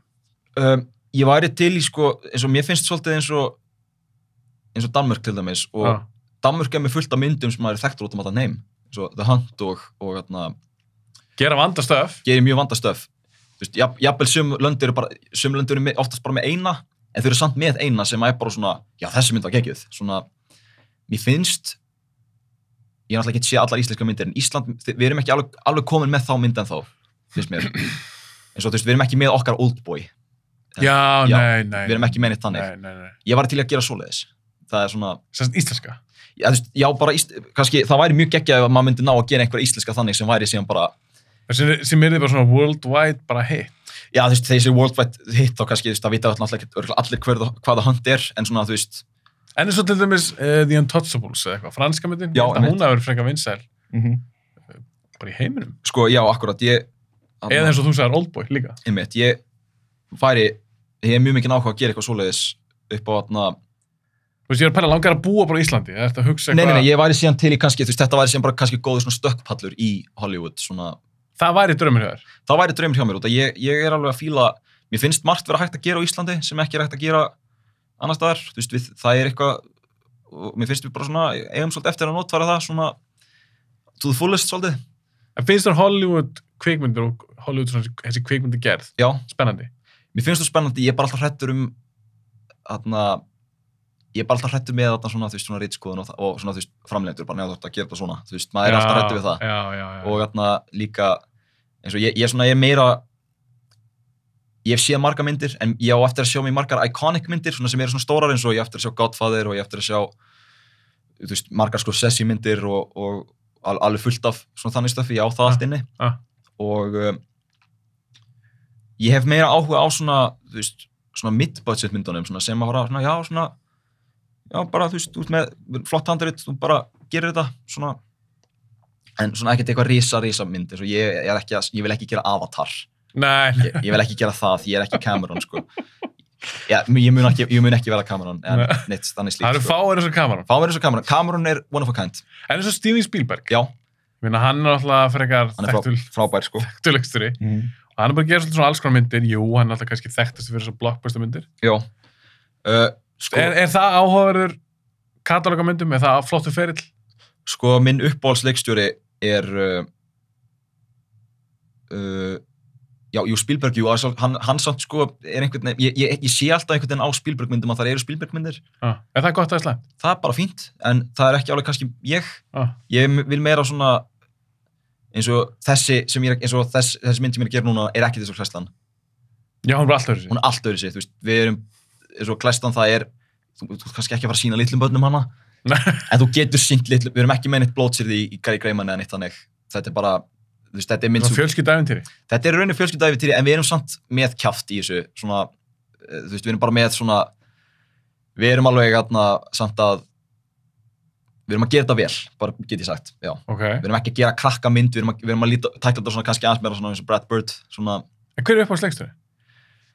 svo erfitt sko, þetta er fyrir að Linklater er einn af þeim, definitely uh, Hann er flottur. hann er mjög flottur uh, ég hef ekki séð allar myndindar hans en ég, Ekki els, ég heldur. ég elska það að frá 2002 til uh, 2014 þá var hann að gera, þá var hann á öllum þeim tíma að gera, þú veist hann gerði School of Rock Before Sunset síðan, atna, ég held hann gerði Waking Life líka, ég á eftir að sjá hana hann Hún er- gerði, Hún er skritin. hún gerði, hann gerði fullt af myndum Scanner Darkly á hana líka. hvað sagður, Da. það, Hefur ekki Scanner Darkly? jú, ég á eftir að sjá hana, er það ekki það sem er Keanu Reeves? Jú, hún er svona teikna yfir. Hann, hann er búin að vera rosalega svona experimental. einmitt, hann gerði, hann gerði En Boyhood var það ekki einhver 17 ára að gera Já, hana ég ætla akkur að segja það sko, hann gerði hann á 12 árum, hann gerði allar þessar myndir, hann var að gera, hann byrjaði á Boyhood áður en hann held ég byrjaði á Before Sunset sem er held ég uppáhalds mín af Before tilíknum sko. Þessi Er það náttúrulega- milli? Það er milli þarna, þessi sem er bara in real time, þannig að, Já. já, Ég er alltaf ekki búin að sjá neina, þannig að ég... nei ok, ég man út að Tommi Valgeir, svo því ég er búin að hlusta á nokkra þætti tvisvar Ja. sko röddin þín er búin að vera í eiranum mínu náttúrulega hverjum degi, núna allt sumar sko Það það, er komið nóg að mér. það, nei, nei, bara gemi meira sko, ég ætla að hlusta- ég hlakka til að hlusta á þennan þátt sko Ok. en, það- en, uh, Kekja. en uh, En basically pointið mitt var að- að að- að þetta er áhverju leiksturi. já, Þó ég sé ekki mér sjá allar mynda, Mhm. þá þá er ég, ég með þetta um þær. einmitt, eins og Boyhood, ég á hann eftir já en þessi gæin er að gera alls konar dót hann er að gera svo mikið dót sko, jafnvel ef maður fílar það eða fílar það ekki sko, þá er hann að þá reyna er hann að reyna og svo er School of Rock sem er svona hans mest svona mainstream, mainstream mynd er samt góð, ég, ég, mér finnst hún mjög skemmtileg rosa, ekki. mín uppáhaldsverður er alltaf Dazed and Confused já ég, ég reyndar á eftir að sjá hana En þú ætti að sjá hana já ég man hún var á Netflix einhvern tímann og ég ætla að kíkja á hana en ég man ekki alveg hvað gerðist ég, ég ólst hann bara upp með þeirri mynd já er hún ekki, er ekki Tarantino sagði hann ekki einhvern tímann að þetta er eitt af uppáhaldsmyndunum hans eða, jú, að því að hann var að tala um Once Upon a Time in Hollywood já, hann já, kallaði hana svona hangout mynd einmitt, Dazed and Confused er bara fyrir mér the ultimate hangout mynd já akkurat svo skemmtlegi karakterar, hann vil bara hanga með þessu liði einmitt, já, ég fíla Tarantino líka sko, ég, ég samt reyndar var að horfa á bara alla myndina hans núna í sumar bara, já, ég var búin að sjá þú veist hver er besta mynd hans? uh, sko ef ég þyrfti að velja bestu hver er þér verið best? sko, það meina þá bara mín uppáhalds eða bara eða bæði bara bæði uh, út af því að ég er ekki alveg með, það er ekki alveg sömu myndina sko um, ég myndi segja að besta sem hann hefur gert eru eða er Inglourious Bastards ég veit að þú veist, ég fíl ekki, ég er ég sammálaður með Brad Pitt, hann er ekki alveg á sínu besta striki í þeirri mynd fyrir hann smá í töðana já, Brad Pitt bara ást, ástundum til að fara í töðan á mér út af því mér finnst hann stundum lit út eins og hann, hann, hann, mér finnst að vera svona smá hégóm í honum sko svona st- aðeins og mikið sko já, uh, þú- það segir mikið að örgulega uppáhalds Brad Pitt myndi mín er megamind það, það hún er þetta heldur góð hún er helviti góð Já, sko. eitt af tek- mínum, teiknimyndir. eitt af uppáhalds teknimyndunum mínum sko. uh, alltaf ofurriti og teknimynd en, en atna, en hver er það á uppáhaldsmyndi? Sérst eftir Tarantino það er Reservoir Dogs það er uppáhaldsmyndi já, út af því að ég, ég er alltaf á kvotana ég, ég er alltaf bara ég er alltaf bara atna, Er það aðalega þá dæalög sem er svona geggjæg? já, nei, ég, mér bara finnst sko, út af því þannig er hann ekki með Ego Tarantino eða neitt þannig sko. þannig er, hann Nei. bara, þarna er hann bara að byrja þannig að hann er bara svolítið að þannig er hann actually sniður ég er ekki, ég er ekki að segja hann sé aldrei, hann er auðvitað alltaf sniður, oft sniður sko, en, en En hann er svolítið farin alltaf í dag. já, já, Bara ég sé hann stundu fyrir mér að sitja, nei hann alltaf notar ekki tölvu, ég held að hans handskriðið ennþá. já hvernig, er hann ekki, er hann ekki með komið krampa eða Jú. eitthvað, er, er ekki hendina svona bara? En ég sé, en ég sé alltaf fyrir mér, bara, hann er bara eitthvað, skrifar eitthvað og er bara eitthvað, djövill er þetta geggjæg. Já, ég, hann, Djövill er eitthvað maður. djöðu, er ekki góður. Ég þarf ekki eins og að vera með söguna útpallta, ég er bara, ég er bara að finna út hérna. því senna. Það er stundum á hann alltaf til þó ég dyrki manninn. Já, Þetta er uppáhaldsleikstur minn. einmitt, einmitt. En það sem hann náði alveg til stundum að detti í eitthvað sem maður er bara, "Æ, þetta er svolítið tilgerlegt núna hér. Já, akkurat, það er Þetta hljómar einum og skrifa. aðeins og skrifa, sérstaklega Death Proof var svolítið þannig. Shit, maður. Ég, já, ég En- horfði enn blaftur á hana. Einmitt, og re, sko, ég, fyrsta Tarantino myndin sem ég sá var Once Upon a Time in Hollywood, ég fór á hann í bíó. Var það fyrsta Tarantino sem þú sást? Já, og það ég átti eftir að sjá, út af því að ég hef alltaf verið með spá svona móral á móti svona, út af, uh, út af því að ég átti, þarna, svona filmbróvinni mínir sem, eða, sem voru í kringum mig, þau voru svona, oh, Tarantino var hann besti leikstur efer og ég var svo, ég var svona, Scott Pilgrim er betri, svona, þú veist, það, Hún er þetta geggjur. já, hún er, hún er á akkurat, örgulega þriða myndir sem ég myndi setja, sem lýsa, ætla að lýsa mínum, þarna, Já, áhugavert. ég er risa, ég og Kári Trevor sem er mér stutt og við erum risa Ed Great aðdöndur. Þið eru bara með, smi, þið eru með svipaða smekk og ég fekk til mín Viktor og Brimrúnu. Gerum svona ævindir þátt saman. Já, emmitt, Þau nefndu Incredibles já, og Scott Pilgrim. Já, ég var akkur bara, á, ég fann loksins mitt fólk, bara, en þarna, uh, hvað er, hvað er eftir að tala um? Uh, Já, sorry, eh, með Once Upon a Time in Hollywood, þá já, fyrsta já, fyrsta, Tarantino einmitt, já, fyrsta sem, var- fyrsta sem ég sá, fór hann með pappa og ég, þetta er ekki góð mynd til að sjá svona sem fyrsta Tarantino myndin, þú ert út búin að heyra, þú veist, hans er besti leikstur ever, svo sérðu þetta, og ég bara, þú veist, já, þetta er gott, en, þú veist, ég fíla ennþá Scott Pilgrim meira, þetta er svona, þetta er hérna, og, en svo sá ég Kill Bill, Var það, var það Tarantino mynd nummið 2 sem sást? Já, ég samt held ég sá ekki alveg Final Barta, en ég sá, þú veist, ég sá samt anna, anna, basically alla fyrstu Kill Bill, voljum 1. En mistur hann loka fæðinum. Já, það ég var, út af því að klukka var hann svo mikið. En þú ert vænt að hún segja í dag. já, já, ég er búin Já, að sjá já. þetta- ég er búin að sjá þetta alltaf í dag. Hún, er Ok. jafnvel, hún var, hún var jafnvel örgulega mín upp á Tarantino mynd þegar ég var búin að klára þetta marathon, Mm en síðan svona, síðan svona með tímanu þá var ég svona, nei, mér langar reyndar núna, ef ég þurfti að horfa á aðra Tarantino mynd þá langar mér meira að horfa á Reservoir Dogs og ég horfði aftur á Reservoir Dogs og ég bara, ok, já, hún er mín upp Já, það er uppást Tarantino mynd. já, ég elska bara, þú veist, eins og ég er alltaf að koma bara eitthvað Do you remember the Fantastic Four? oh yeah, the invisible bitch and flame on and shit the thing, motherfucker looks just like the thing ég, ég er alltaf að kota þetta og síðan þetta Mr. Brown ain't so far away from Mr. Shit það er það oh this is bad, this is bad is it bad as opposed to good þú veist það er svo ég er bara alltaf að kota þessa mynd, ég veist það er svo Þetta er alltaf geggjum. þetta er svo geggjum, þetta er svo góð mynd og þannig að Hver er bestur í henni? Harvey Keitel Na, Toby, Toby, Toby Wong Toby Wong, Toby Chung fucking Charlie Chan þú veist það, hann er, hann er svo góður í þessa mynd Mr. White. Mr. White, já það er akkurat líka, ég- þarna reviewum mitt á myndinni var akkurat bara, hmm Mr. White og Mr. Pink að rífast hljómar kunnulega reyndar Pink Man, en þú veist já, það var svona Þannig að Mr. White er, er það besti karakter. Já, sko, ég, ég finn, Harvey Keitel hann bara einhvern veginn eh, út af- hann- hann- þetta er náttúrulega svona big ass kjáðum út af því að Tarantino þetta er fyrsta myndin hans og, og náttúrulega ekkert risa budget Nei, Myndi halda. kostið ekki mikið. en hann þú veist alveg var invested í þessu og mér starf það bara magical að einhver svona stór leikari bara kom ég elskar þetta líka Steve Buscemi hann Ah, er mjög góður góður. já, En eins og Mr. Blonde. Mr. Madsen, Blond Michael Madsen. hann er, Hann er uppáhald margra. já, hann er, hann er, hann er flottur ég bara, mér finnst það bara að vera svo rosalega vondmanneskja það er bara, Já, En það ég er er- ekki Ég ókjör. reynda að var með svona eitt sem ég hafst verið mjög töff gert með það sem Tarantino gerði akkurat með Reservoir Dogs Ja. var þarna hvernig þarna, út af því að þetta var náttúrulega mjög þetta er eiginlega hæstmynd þar sem við sjáum ekki hæstið Sem er áhugað. sem er mjög töff og þeir segja akkurat í byrjun að Mr. Blond gerði eitthvað rosa crazy en þegar við sjáum Mr. Blond var eina bara svona frekar chillgauður Mhm. og þarna síðan bara sjáum við hversu crazy hann er og þá er bara oh shit, hann er svona crazy þannig að þetta- hann basically er að sína okkur hversu crazy hann er án þess- þú veist, hvers- hversu crazy hann var í hæstinu án þess að sína hvernig hann var í hæstinu Já, því við fáum aldrei að sjá í rauninni hvað hann gerði. Einmitt. Þannig að það er rosa töff. En það er ógæst að kúli mitt, var ekki Mr. White að... s- Var þetta ekki, var þetta ekki White og Pink að tala saman um Jú. hversu klikkað Blond var Einmitt.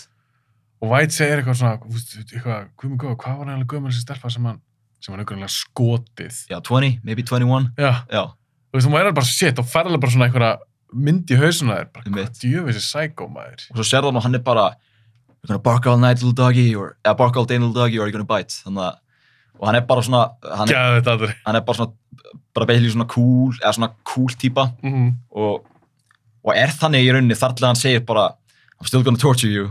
Þannig að, og, þannig að, Já, lögguna. not because, not because I want information, just because I want to, eitthvað, og gera, þá er ég bara, fuck, ah, shit, ég var, Ógíslegt það er maður. ógeðslegt sko líka þegar hann sker á hann með eirað og þegar við sjáum hérna það er uh, það, Hvor er meira uppáhaldið þér? Þú talar aðeins um Edgar Wright. já, Þú elskar Edgar Wright. ég er bara, hann er sko Er hann meira uppáhaldið þér heldur en Tarantino? ok, ég reynda að til- tilbaka, Ed Wright er auðvitað upp á sleiksturum minn, það er hann að Edgar Wright er uppáhaldsleikstunni. þetta- þetta er mjög, þetta er- þetta seks eitthvað svo mikið Ringlat er, er, ég elska hversu experimentalin er og hversu marga myndir hann næra að gera og bara hversu við, þú veist, bara hans svona filosofi að þegar kemur að kvikmyndum bara svona hvernig hann er ekki að treysta söguna hvernig hann treystir svolítið meira bara á aðstæður og svona, mér finnst það, allt, ég elska það en Edgar Wright er bara uh, ég, ég elska svo mikið það er, Erstu með sér alla myndina þar? Já, ég, ég er þarna, Já. að sjálfsögðu. Ég, Eh, Hver be- hver er besta myndin hans? Nei, djók, ég er ekki búin að sjá alla myndin hans. Ég hef eftir að sjá Last Night in Soho. Já, Já, hann- nýjastu myndina þar. Já, ég ætlaði á hann í bíó, ég fór í staðinn á Venom. Staðinn- Sem er drask. sem er drasl, sem var drasl, sérstaklega eftir No Way Home og hann fór bara aftur tilbaka. Það var eini kúlstá, eina kúldótið við Venom, akkurat var það. Ok, bökkum yfir eitthvað gott. Já, bökum ég eitthvað gott. Ok, þú talar um Scott Pilgrim. Já, sko, Er það besta myndinans? Er það þín uppáhalds Edgar Wright mynd? sko þegar ég, ég las, ég sá, las teiknmyndasöndar fyrst, ég var bara í Nexus og ég sá, nei já, ég heirt Scott Pilgrim, ég held að myndin sé fín og byrjaði bara, bara blind bæja teiknmyndasöguna og byrjaði bara að lesa það og ég var mjög investið í teiknmyndasögunar alveg bara hjálpuði mér í gegnum, þetta var svolítið erfið tími fyrir mig akkur þá sko, það var svona Mm. mm. nýjöndu bekkur og maður var svona insecure og svona og Scott Pilgrim var svolítið svona mjög mikið svona safety dæmi fyrir mig og svo sé ég myndina og á mínum að þetta er eitt af bestu adaptations ever, ég elska og það er jafnvel hlutinni sem er sleppa úr teiknumtasjónum Já. þau hinta að því þannig að það kannski gerðist líka þannig að það er Já, svona, þannig að þeir raunin sleppa því ekki. þau í rauninni sleppa því ekki Já. og það finnst mér alltaf að vera be- bestu adaptationin ætti að gera það svona þú veist, ef það er eitthvað sem að teiknumtasjóðargörðarnir kannski svona að ég hefði verið til að hafa verið með þetta þá kannski sérðu í bakgrunnum eða það svona in passing það er svona, hei já það gerðist kannski það gerðist, mm Mhm. -hmm. skottana þegar hann tala við Ramona, hann er eitthvað að lýsa í þegar hann var að deyta Kim Já. og hann er eitthvað þarna, I had to fight a guy and he was flying and shooting lasers out of his eyes það gerist í teiknumtasjónum Já, já, já, þeir bara sína það ekki. þeir sína það bara ekki en hann svona hintar að því seg, þannig að maður er bara svona, ó já það gerðist en það meika líka sens í þessu út af því að þau eru að rífast svolítið og það var svona þetta var viðjandi Það er cool. já, þannig að ég elska þessa mynd bara sem adaptation en síðan fór ég líka þetta er actually mjög góð mynd líka þau fór síðan að líta á hana þannig og þá fór ég svona komst inn í Edgrite, horfði síðan á Cornetto myndunar í röð og síðan Baby Driver Baby Driver jafnvel náði að surpassa Scott Pilgrim í smá tíma Aha. nei, í smá tíma en það var alltaf endurinn, mér fannst hann alltaf tröfla með svolítið mér finnst hann einhvern veginn svona ekki alveg eh, John Hamm einhvern veginn, mér fannst hann aldrei virka sem viðjandi villan fyrir þessa mynd þannig að, Ég sá Baby Driver einu sinni, fór hún í bíó, já, ekki hefur. já það John Hamm er svona einu sem nær vel við Baby og þú veist Jamie Foxx, hann er alltaf meira líklegur fyrir að vera svona alvondi kallinn eða eitthvað já, Ég, kom, ég gat ekki aðleika, ég get hann ekki. Ja, Ansel- Ansel- Ansel Ansel Elgort. eitthvað. já, passaði samt hvað þú segir út af Kára, þetta er uppáhaldsmyndarnas Kára Trevor sko, en þetta Ég er, þarf að passa mig að fá ekki kára á móðum mér. já, hann er örugglega aldrei horfa aldrei horfa á þetta aftur sko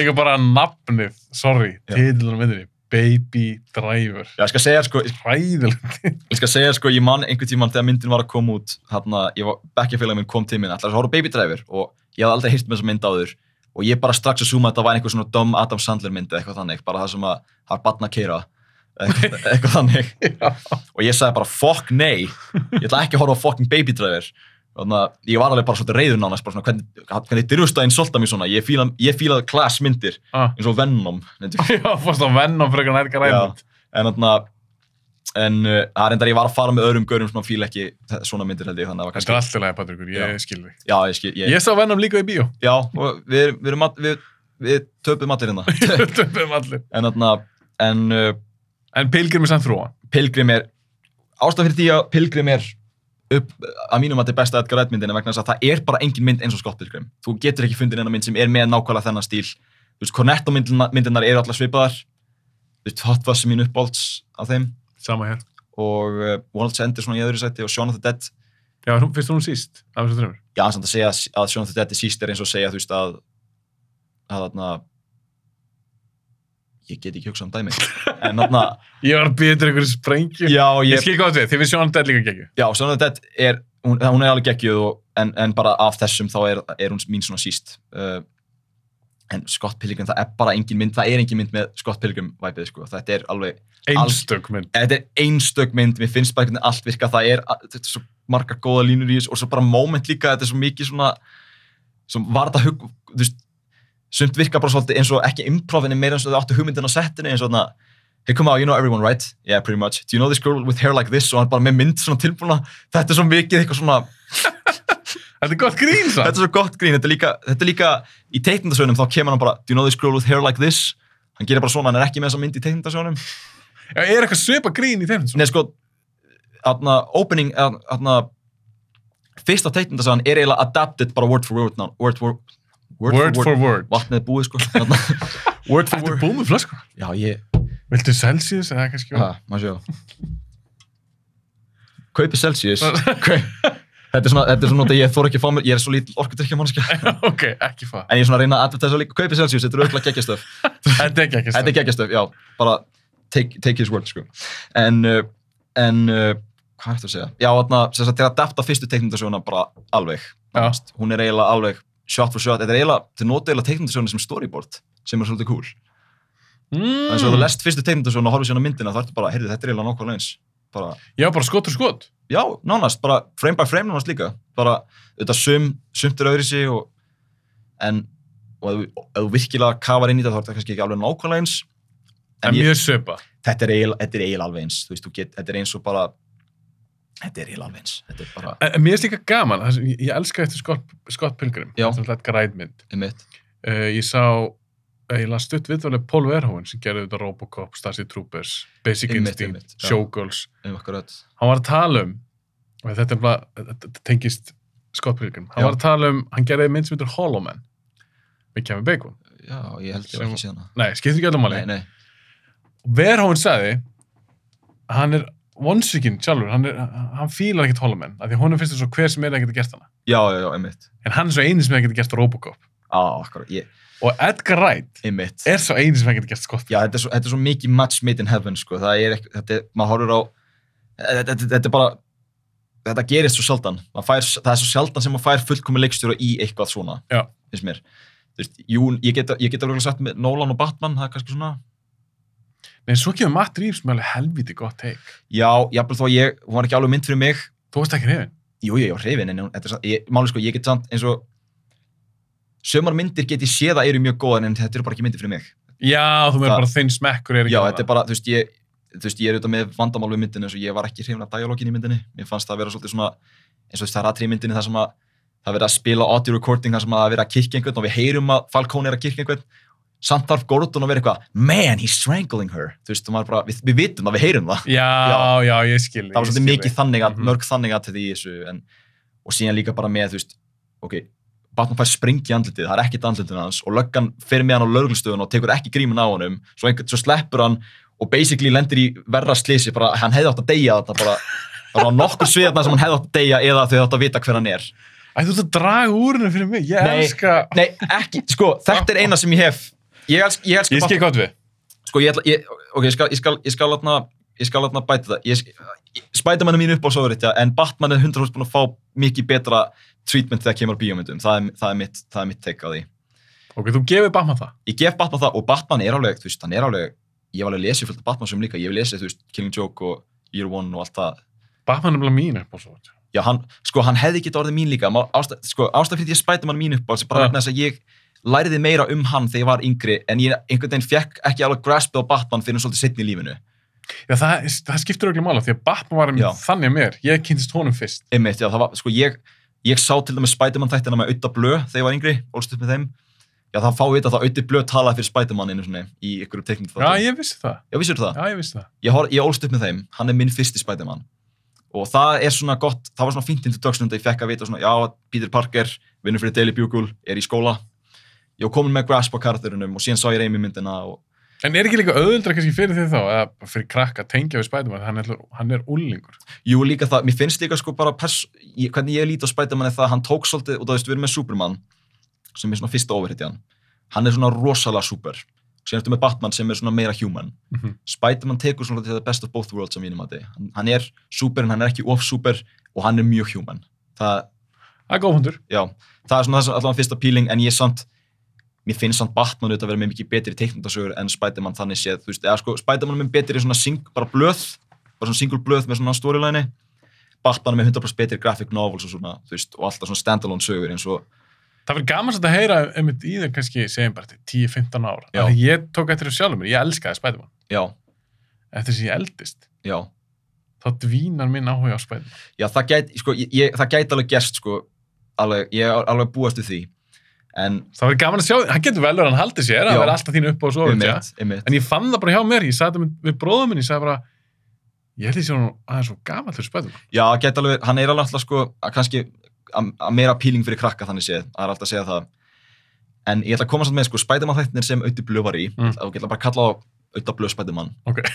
bara jafnvel þó að þe- þeir eru með nafn, þú veist, ný- þetta var Neil Patrick Harris í alvörunni, en þú veist, þetta er, Já, við talaði Neil Patrick Harris fyrir hann í upplunlunga já, hann gerir það þar og síðan talaði hann fyrir hann nokkur sinnum af, áður held ég í, í atna, í atna tölvuleikjum og svona líka, hann hefur, hann hefur leikið Spiderman áður Neil Patrick Harris, veit ég Ok, og uh, uh, þeir þættir, það er voru helviti grófir, það er alveg fyrir alltaf, ég var fjóra ára eða eitthvað þegar ég sá þá ah. þú veist, það er verið að skera hausa af fólki og það er alveg blóð í þessu og það er alveg verið, Ha? já, það er alveg verið að- í- mörg innuendos og eitthvað, þetta er alveg mest grófa, spæ, mest grófa spætumann teitnindin sem til er sko.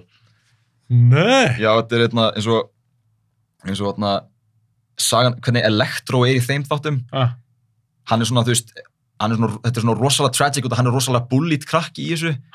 Þetta er svona eitthvað frat party sem er að bullya hann, þegar svona þátturinn byrjar þar sem að þeir eru búin að ræna honum, þeir eru búin að setja teipa yfir anna, augun hans og þannig að hann heyrir ekki neitt og sér þá ekki og þeir all- og kasta honum í steipu, eða þú veist, þeir keira bílum í steipu og hann er svona eftir í steipunni, bjarg, spætumann bjargar honum og hann veit ekkert hverju þetta eru, síðan púla, púla frattið annað á hann, þeir svona skjóta hann með paintballbissum og, og na, elektrofessjun upp á eitthvað svona, það er svona neon sign, Mm.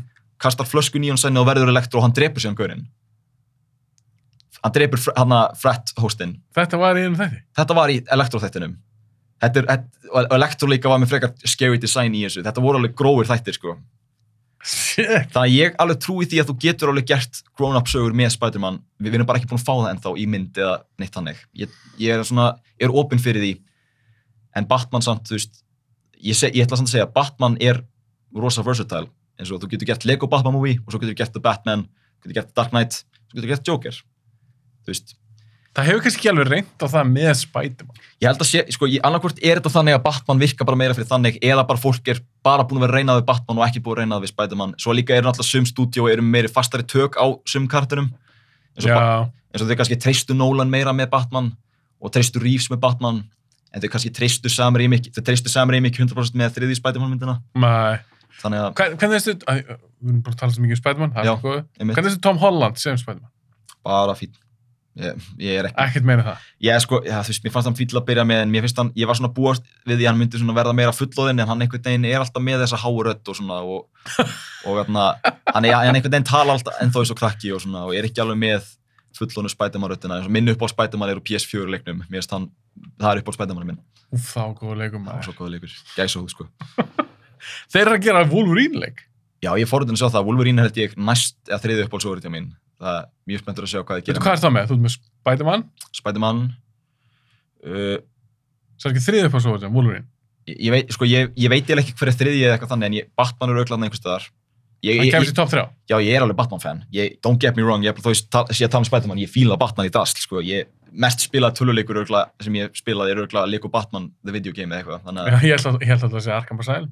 ég, er- ég er enda að spila Arkham Asylum líka, hann er drullu góður. Geggjað. Um, og uh, ég, fí, ég fíla, Je- Jessica Jones er rosalega underrated, mér finnst hún alveg, hún er mjög ofalega hjá mér. Þannig að Er það um karatinn, er það um seríun? eða ertu að tala um- karakterinn bara, ég elska seríuna líka Ha. Ka- Jessica Jones bara, ég, ég er, var auðvitað meira spenntur að sjá hana í MCU en, en Daredevil sko Já, það. já þetta þeir eru bara að fara að fá- er, rústa Daredevil Er það frá Rústa Deadpool? já, sí, ég- sko, ég var að horfa á fyrsta þáttun á She-Hulk Já, hvernig er það?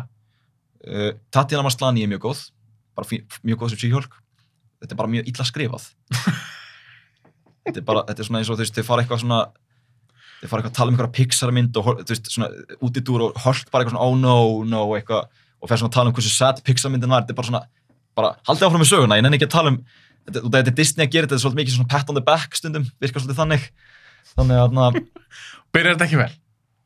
sko, ég er opinn fyrir þessu, þetta er alveg Það var að klára? ég er bara búin að vera það attached við þetta og lengi, það er mjög erfitt fyrir mig að hætta Ertu búin að sjá þetta allt? Búin að sjá Moon ég er Knight, búin að sjá Miss Marvel Miss Marvel, og hvernig var það?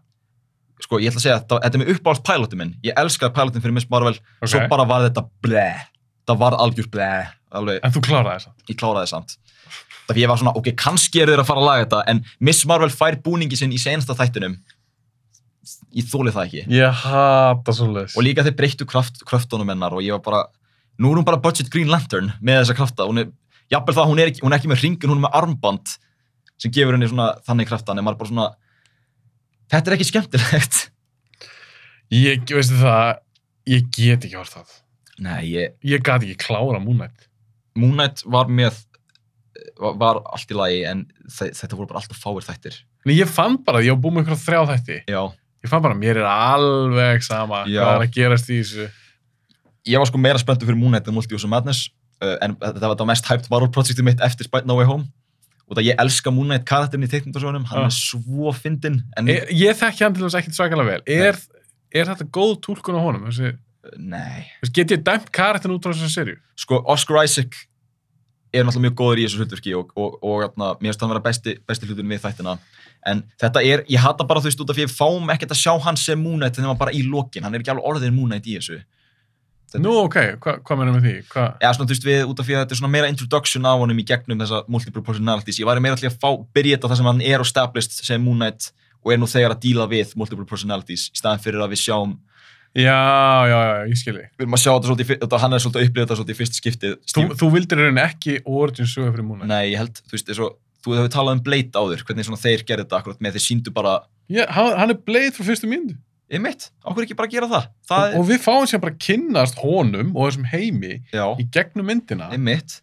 En þú veist, hann, hann end, myndina endar ekki á því að hann bara eitthvað svona, já, núna er hann loksins bleið. Nei, það er bara leðilegt líka. Það, En Þú ert sammála því. ég er mjög sammála því, eins og, þú veist, jú, Spiderman fyrsta er, ok, ég ætla ekki að klána Spiderman, en það er originsaga líka, en þú veist, að minnstakosti er það, þú veist, á- hann, hann er alveg Spiderman í sittin hlutunum. Batman er Batman alltaf tíman í Dark Knight og í, The Batman, nei, í Batman Begins þá er hann líka Batman alveg helmingin á myndinni, myndi ég segja. Að algjörlega, og líka Nolan leiði þessar að gera origin sögur fyrir Batman, við höfum aldrei séð það. Já, við höfum aldrei, Þú veist, þá er ég að tala um aldrei séð það í bíjum. Einmitt, þannig að það var mjög nýtt líka þá og þetta var akkurat, þú veist, origin sögur voru frekar hot þá líka þannig að þetta er svona, það það var alveg viðjandi.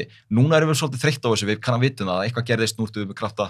Ég meina, eru ekki bara eins og MCU, eru ekki konum bara fram úr þessu? þú veist, Þurfa þær að gera, eins og Black Panther, Já, hann er kynntur í Civil War. já, einmitt, það er bara, Verður að vera origin saga, einhver heil bíamönd fyrir alla karakter? nei, það er bara þannig alls ekki að vera neitt svoleiðis, sko. Það, ég held að sé bara, ég vona samt sko bara að, ég veit ekki hvort ég minn halda áfram með þetta Marvel dót, sko, en ég, út að ég er svona slétt að missa þólum að með, með þetta. Ég, Sástu þau eru tilkynntur núna Phase 5? já, ég mun öruglega... Sástu magnið af verkefnum sem eru að koma? ég sástu mýmið þarna þar sem þetta var þarna, þetta var svona mynd af hana, hana öllu line- line-upinu og síðan var þetta úr Breaking Bad þar sem hann er að tala við Saul Goodman hana, you're done when I say you're done hana, við, og svona We're VF done. já, When I say we're já, og done. við svona VFX artistina Já, svona Kevin Feige Feige, Já, er ekki, ég myndi einmitt. að segja hvað Simon Ertu myndi. veit að segja það? Já, Þetta er ógeðslega þetta var gott. svo fyndið og ég vorkinu svona mikið út að þeir eru búin að tala, þeir eru búin að vera opinn með að þeir setja svona unrealistic deadlines fyrir það þess vegna er þetta ekki búið að vera rosa gott hjá þeim Þetta er líka svo, þetta er svo mikið magn. Einmitt, líka ég var að horfa, já, ok, ég horfði ekki á hann allan, en ég byrjaði á Guardians 2 Já, Ertu búin að sjá hana aftur eitthvað? ég gæti ekki klára það. Gast ekki klárað hana? Nei. Hún er upp á skartinsmyndi mín. Ég, Er það? ég kann það fíla hana. Ég, Ég horfði á, ég var, sérst, ég gerði eh, stóran Infinity Saga þátt. já, ég er ég, spenntur að sjá hana. og ég horfði á nokkra aftur. Já, Og ég hugsaði, ég var að horfa á Guardians 2 aftur. Ég fór hann í bíó, mér leittist bara. já, ok, ok. Svo hitt ég á play. Já, og fokki myndi byrja á þessu grút eitthvað að dansa eitthvað Já, og, ég- og í bakgrunni svaka hasaradrið það er eitthvað cool lag þú veist. Mér finnst það bara ekki skemmtilegt já, ég er búinn að sjá þetta, þetta er svona súsat skot við mitt. sem Gunn gerði Hún var svona, hafði sín moment en hún var svolítið Gunn gunn. sjá þetta allt Og þú ert búin að tala um tæka, tækar yfir sig, gunn, gunnar stundum yfir sig. já, Sérst, sérstaklega í hérna, uh, út af mér finnst hann stundum, sko, það, hann, ég er líka að fylgja hann á, á Instagram. mm ég líka Hann er svolítið mikið, sko, mér finnst hann svolítið mikið vera svolítið að flexa ég skrifaði Peacemaker á fimm vikum, hvað er þið að gera? Þú veist, þetta er svona, hann var, svol- hann var svolítið mikið að flexa svona hvað hann var fljótur að skrifa, hvað hann er fljótur að skrifa sitt svolítið og hvað svona, vá, sjá hvað ég er góður. En ég elskaði Peacemaker ég ætti að sjá það, ég, ég sá eitt brandur og ég var bara, ok, þetta er ekki fyrir mig, en, þarna- en ég ætti að kíkja það samt. en fílar hann Gunn, Ég, finnst þér húmónu hans skemmtilegur sko, ég fíla Guardians myndirnar og ég fílaði Suicide Squad, mér finnst hún alveg góð, uh, svona að mestu leyti, svona moment í, uh, ekkert eitthvað, eh, þetta er eitt af betri DC myndunum by default, en, Mm. en, en þú veist DCU myndunum, en, en uh, ég náði ekki að klára Slither, ég er aldrei, ég er búin að reyna að horfa hún tvisar, ég næ aldrei að klára Slither, ég elskaði Slyður hún er, mér finnst það bara svo ógæsleg, það, ég, ok, það er kannski, já, já, þú meina það, já, bara ekki fyrir þig Já, ég er bara verð queasy, sko. Þetta er svona, sjá þess að orma á eitthvað. Ég, ég ánátti ég átti ég. Þetta er, búin að reyna að horfa á hana til þessar, til þessar eitthvað. Ég, ég mun klára hana einhvern tímann. mér finnst það svo skemmtileg Já, hún er, ég get alveg séð það, sko. Og ég er örgulega mun fíla super meira. Hún, er örugglega- hún lítur mjög fyndin út, þannig að, hún er skemmtileg, já. Og, þannig að ég fíla hann alveg, en hann, hann svona, ég veit það ekki, ég, ég veit það ekki alveg. Hann er svona, hann er, hann er mjög svona mixed back hjá mér, sko. okkur fór að tala um hann Og það var, já, ég var að tala um, einmitt, ég var að tala um okkur Guardians. fórst að tala um- af hverju fórstu að tala um Guardians 2 Já, það fyrir vorum að tala um Marvel CGI, þannig að vorum að tala um svona CGI hjá Marvel. já, já, já, Og ég ætla að tala um Guardians 2, sama hvað þið finnst um myndina. já. Þetta er, kla- þau eru á settum. Þau eru actually á settum í myndinni. á einhverjum tímabóti, já Á einhverjum tímapunkti, já. Já, ok. Er þetta að tala um að um það er ekki alltaf grínskrin? Ég er ekki að segja að það er, alltaf, það er ekki alltaf grínskrin. Þú veist, þe- þetta er svona, þeir mix, þetta er svona núna eins og í Thor Love and Thunder. Þeir eru bara á grínskrin. Þetta er bara að tekið upp ykkur skemmu. Þetta er bara að tekið upp bara, þú veist, við, í iMovie bara á símananast, en, en, nei, ég tjók. En, en, en uh, Finnst þér ekki pínu leðilega? þetta er mjög leiðilegt út af því að ég horfði síðan aftur á Guardians 2 út af því að það var, þá voru náttúrulega fleiri projekt að koma út svona hjá Marvel þá voru þau búin að fá tíma alltaf eins og þú veist mér skrýmsli sem kemur í byrjun ég það, jú, jú, það hefur verið cool að sjá bardaðan auðvitað þól ekki Baby Groot en þannig að Ég þóla ekki heldur. já, þú veist, ég er ekki með mikla skoðun á hann þannig séðan ég er svona æ, getur hann ekki bara orðið Groot aftur Já, ég er sammála. Hve, hvenar hættir hann að vera hann er, hann er víst að fara að vera Team Groot ennþá í þriðju myndinni getur við ekki bara að fengi Groot við ekki bara að fá Groot í Já. átta ár, jésús Um mitt. hann er þarna En varstu hissið og horfður á hann aftur, bara hvað hún er unni flott með Já, við bara sko, sem hvað við gerum í dag? CGI er rosa gott í þeirri mynd. Það er alveg, þú veist, ego, allt, allt það, öll plánundan bara lukkar rosa vel. Það var klálega eittur miklu meiri tími í þetta og veist, sama hvað manni finnst um myndina sjálf þá var hann örgulega, þá fekk Gunn líklega að gera myndina sem hann vildi gera. Þannig að, þarna- Hann líka fekk kannski eitthvað að anda. já, hann fekk að anda líka. Það er ekkert svo í dag. Ég meina Nei. þeir voru að gefa út, þetta. sem Ég voru að skoða þetta, ég skoðaði bara, henni bara henn- hennan feril, ég meina frá 2008 til, til 2019 með Já. Endgame. einmitt. 2009 Já, kom engin Marvel mynd út. Kom Einmitt. tvær 2008, það kemur engin 2009, það Já. kemur ein 2010, já, 2012 kemur ein mitt, Avengers, já. þú veistu, jú, jú, svo fór hann að gera tvær myndir. Svo, svona stund þrjá líka. það var Já, average. en nú er þetta orðið bara, eins og á næstar, ég til fjórar Já, og fjórar serjur. átta, átta, líka í, í fyrra, sko, ef við tel, teljum með Venom og, og, og, og allt það, sko, þá voru þetta alveg held í fimm projects, fimm-sex projects líka með þáttunum eitthvað. Það var alveg, þetta var alveg, mm, þetta er alveg orðið svolítið mikið, sko, ég, ég, ég held að, ok, mín skoðun á þessu eftir Endgame er að þeir hefðu bara átt að fókusa þá bara á, bara ignora bara þetta shared universe dæmi og bara fara að gera sitt eigið, bara, hætti, hætti bara að pæli því, geri bara standalone myndir, bara, Já, þetta tala um kannski að gera nýja Blade mynd, en hún gerist ekkit endilega, Já, hún er bara ekkit, teng, hún er ekkit í sama heim og þor. Já, hún er ekkert saman heima, þú er bara, eftir, jú, þetta, þetta, þetta getur kannski verið í saman heimi en þið þurfum ekkert að vera að referensa það. Þetta er bara þú veist, eins og hvernig Tarantino myndunar eru, kann- eru að gera eftir saman heimi en þeir, það Já, er ekkert eitthvað- já, ég skilji. bara að gera meira svona þannig dæmi, svona, En af þessu line-upi, þetta Phase 5, já. hvað var það sem svona stóð uppur? Ertu spenntu fyrir einhverju af þessu? Sko, ég fílaði Shang-Chi á, á, á köplum, Mm eins og mér finnst leikarinn geggjör, mér finnst ax- hand-to-hand actioni þegar það var hand-to-hand action mjög gott. Mm, svo endur þetta bara í CGI drasli. Já, það var, þú veist, e, þarna, ertu eitthvað að horfa á þetta pitch meetings með Ryan George, þarna, ok, hann, hann er sem sagt svona youtuberi sem gerir svona, Býtu, jú, ég held ég að sé eitt svo. Já, hann gerir svona, hvernig, hann, hann gerir svona grínsketsa um svona hvernig pitch meeting var fyrir einhverjum myndum og er svona að gera, Jú, jú, jú, ég sá þetta fyrir eitthvað Star Wars tegn, Kenobi þetta held ég. já, einmitt, já, hann gerði, Getur það verið? einmitt, hann kom með mjög fyndið point með Shang-Chi, hann það sem hann var hann is there a big CGI battle at the end? Of course there is. Can it be, can it be extremely colorful but, als- but also at the same time extremely grey?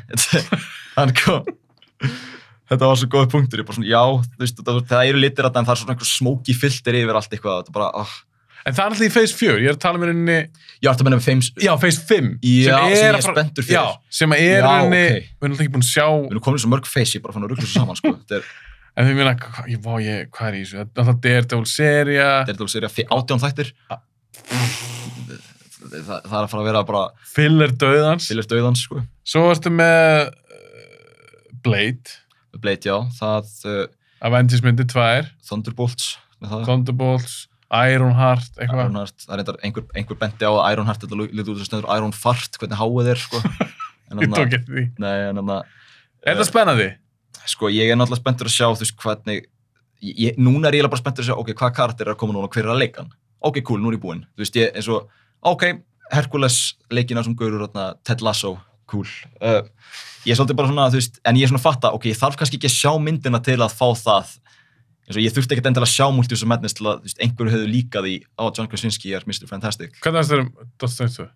ég fílaði Sam Raimi momentin í því uh, ég, f- mér finnst bara dokt, þeir ekki vera að höndla Dr. Strange mjög vel í þessum myndum hann er eitthvað svo hann er eitthvað svo mikið bara svona, mér finnst hann vera aldrei stundum er hann svona alvarlega típan eins og stundum allt í hennu á mjög óveðandi tímum kemur hann með eitthvað svona, oh yeah, Ben and Jerry's eitthvað, þú veist, svona eins og ég, Infinity War, eitthvað þannig En er það ekki bara Marvel templateið? Það er alltaf verið að koma með ykkur að djóka. Mér finnst hægri, það bara vinstri. aldrei virka með atna, Doctor Strange, mér finnst all- allt eins og í Multiverse of Madness, nei, No Way Home, þá var hann Scooby-Doo this crap, hann næri ekki að segja, hann, hann, bara, þetta hljómar allt svo kjánulegt þegar Doctor Strange segir það einhverja ástæð, mér finnst, hann bara ekki, mér finnst bara Doctor Strange ekki púlið það. Af hverju þarf hann þá að vera með þessu línur?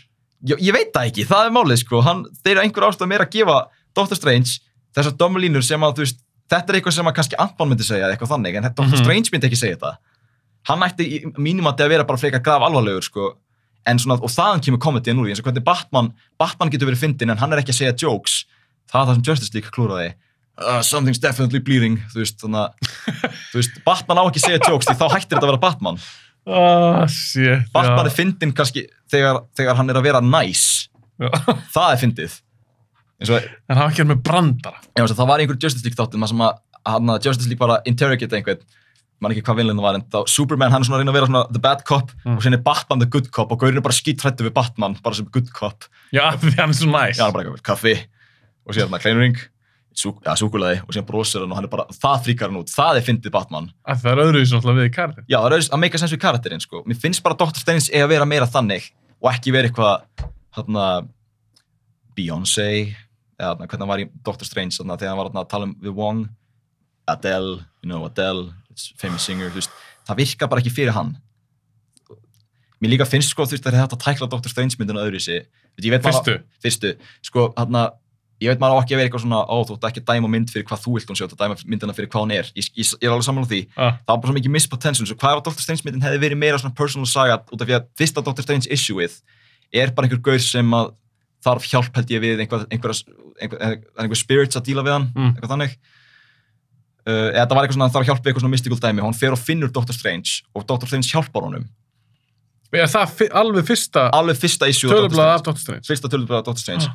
það hefði verið mjög cool personal mynd að fá svona basically Dr. Strange að hjálpa einhverjum Þa, þannig, meira, minna svona þú veist, CGI fights og eitthvað þannig, bara meira svona hann að hjálpa einhverju einni mannesku með sínu og síðan fái svona glimps svona kannski svona lítur svona flashback svona um hvernig hann komst að því hvernig hann var Það þú basically basically að tala um ekki gera orðinsu. nei, ekki gera orðinsögu, þú veit að Dr. Strange bara það, það þarf að líða svo mikil tími þar til hann verður Dr. Strange, mér finnst svo lítill tími líða í myndinni þar til hann verður Dr. Strange Ég, ég finnst það að ég þólið ekki. Og mér finnst Já. útöld ef að fólk er ennþá bara eitthvað, já, ég vil, ég vil fleiri orðinsugur. einmitt Til hvers?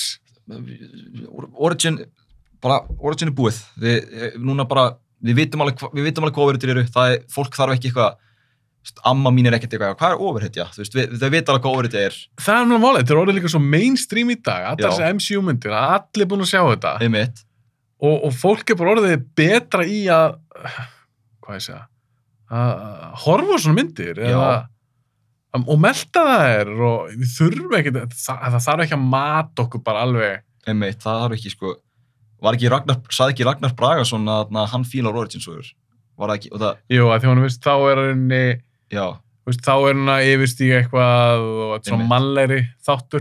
það er bæðið og uppáhaldstáttur minn sko, ég, Að það, sé ég ekki. já, þetta, þetta er náttúrulega þetta, það er kvikmynd að skóla að hlusta á þetta, hann er Hann er alltaf snillingur besti leikstur Íslands á mínum að hann, ég horfði á vaktaseríuna religiously sko og ógeðslega klárgur. rosalega klárgur, ég elska allt, ég, allt sem ég séð eftir hann, ég elska það, þannig bara, Ég var líka þegar ég var, fekk hann til mín, já, að hann frekar langur sá, sá þáttur. já, hann var alveg næstu fimm tímar eða ekki. Nei, hann var þrýr og tuttuð eitthvað. Nú var hann það, ok.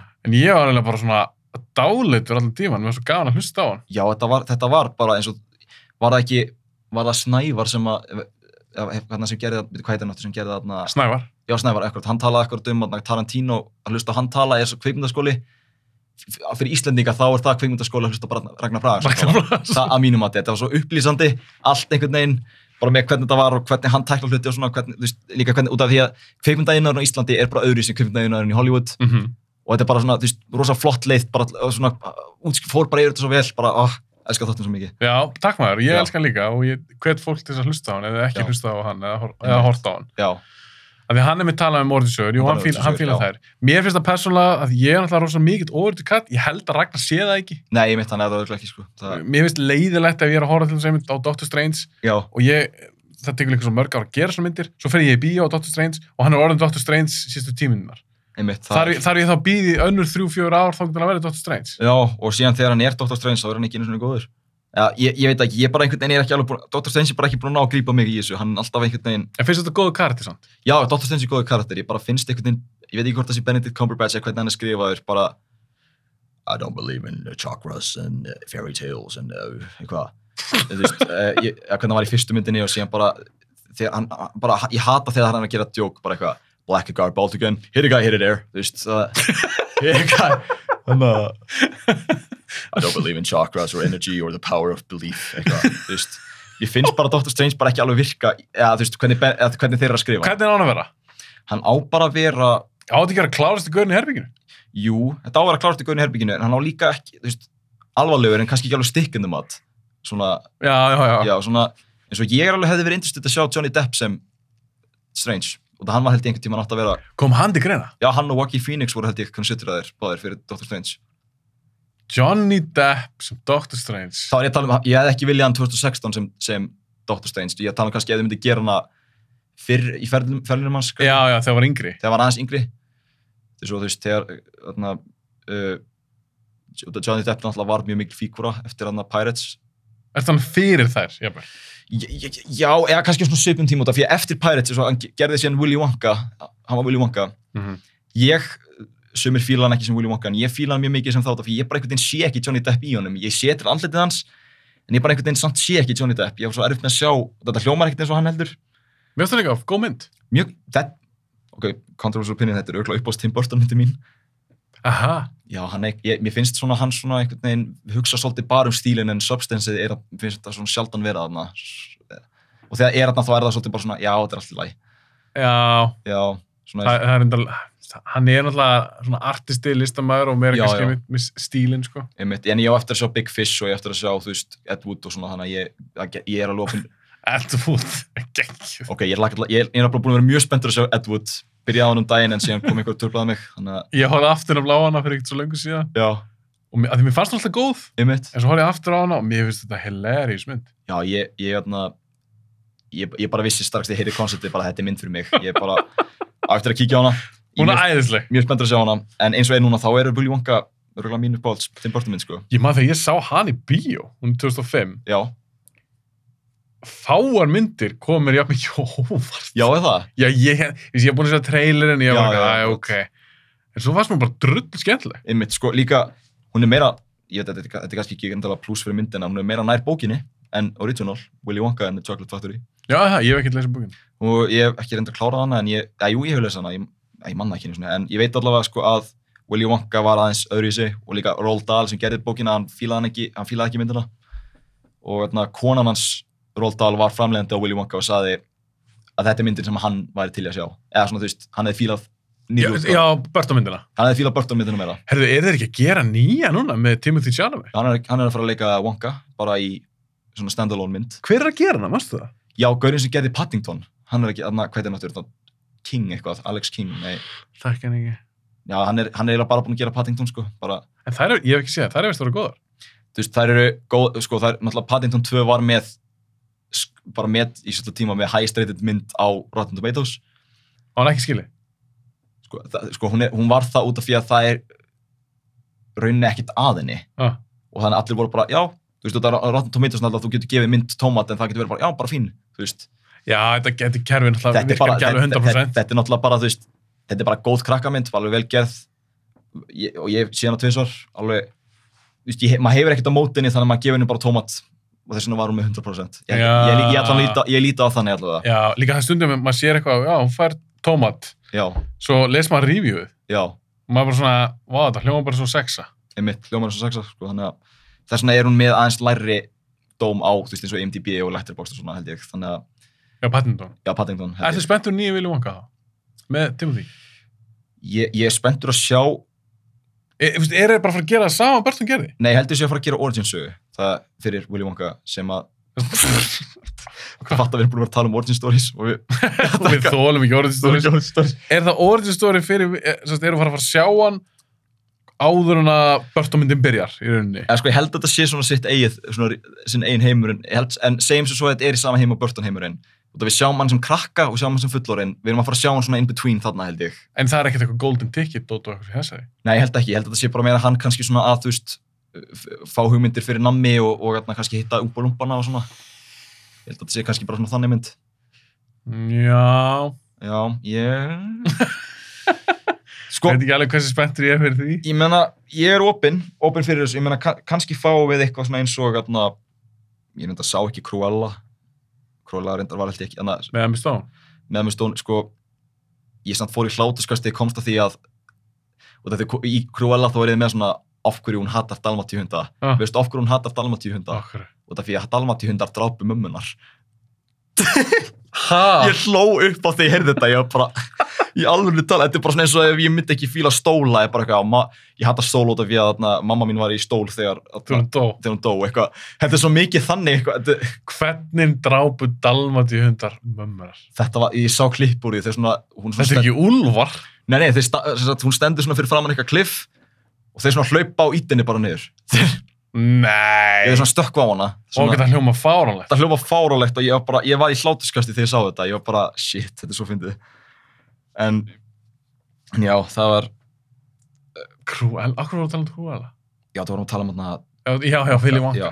eh, byrju, ég, ég, var, ég var með eitthvað annan dæmi um svona, ég meina, kannski verður þetta The Blade Runner 2099 af Charlie, Charlie Chocolate Factory myndunum. Þetta var lé- lélegt dæmi, jésus. Ég var líka bleitur en Nei, þetta er því að það er þú veist svona, fre- það er þú veist svona reboot mynd, skilur, sem að er þú veist annað franchise, svona... En það var svona framallmynd. Ef þú pælið Ok, já, reyndar framhalds. Þess er bara, hvernig veikur það sens? Já, ég líti á þetta meira svona, þú veist, þetta er svona sequel reboot, þetta þetta er eiginlega allt sama maskinan, þetta er svona soft reboot, þetta er svona sama heimi, jú, þetta er kannski framhaldsmynd. Já, já, Og þetta já. er að koma frá einhverjum sem hefur ekki einu sinni séð, hann- séð myndina. Herru, við erum búin að spjalla saman í tvo tíma. Já, Svo í lokin, já, þetta er búin mjög skemmtilegt. já, rosa gaman. Áttu upp á sleikara, eða leikuna. Ég held að sé Mats Mikkelsen eða, þarna, Já. já, ég held að síðan uppáhaldsleikuna mín er öruglega, ég elska Hailey Steinfeld, ég er mjög spettur að sjá hvað, hvað hún gerir í framtíðinni og svo fíla ég líka Varst þú góð í Hawkeye? Mí- hún var, hún var besti hlutunum í Hawkeye á mínum andi. Bara Ég, góð serja? ég, ég held að þetta sé, ég, ég var ekki búist við miklu og ég var svona til í einhverju jólaseríu, þá var ég bara, já, ég er til í Hawkeye, gef mér Hawkeye. Þannig að ég var sáttur með Hawkeye þegar ég sá það. Allavega ekki að versta sem Marvel hefur gert. Nei, alls ekki, bara breyka fínt. Og uh, Og Mads Mikkelsen. Mats Bik, ég, sko, ég, The Hunt er eitt af uppbólsmyndunum mínum og líka Gekk. eitt af mínum uppbólsleiksturum er líka Anders Thomas Jensen sem að hann gerði Adams Ebla, eða þú veist, Adams Ebli og hann Writers of Justice, ég, hef- þú, Ég hef eftir að sjá hana. Kamila mynd, þegar þú komst með Kamilu held ég, þá myndist hún held ég á Writers of... Var hún með hana á sínum...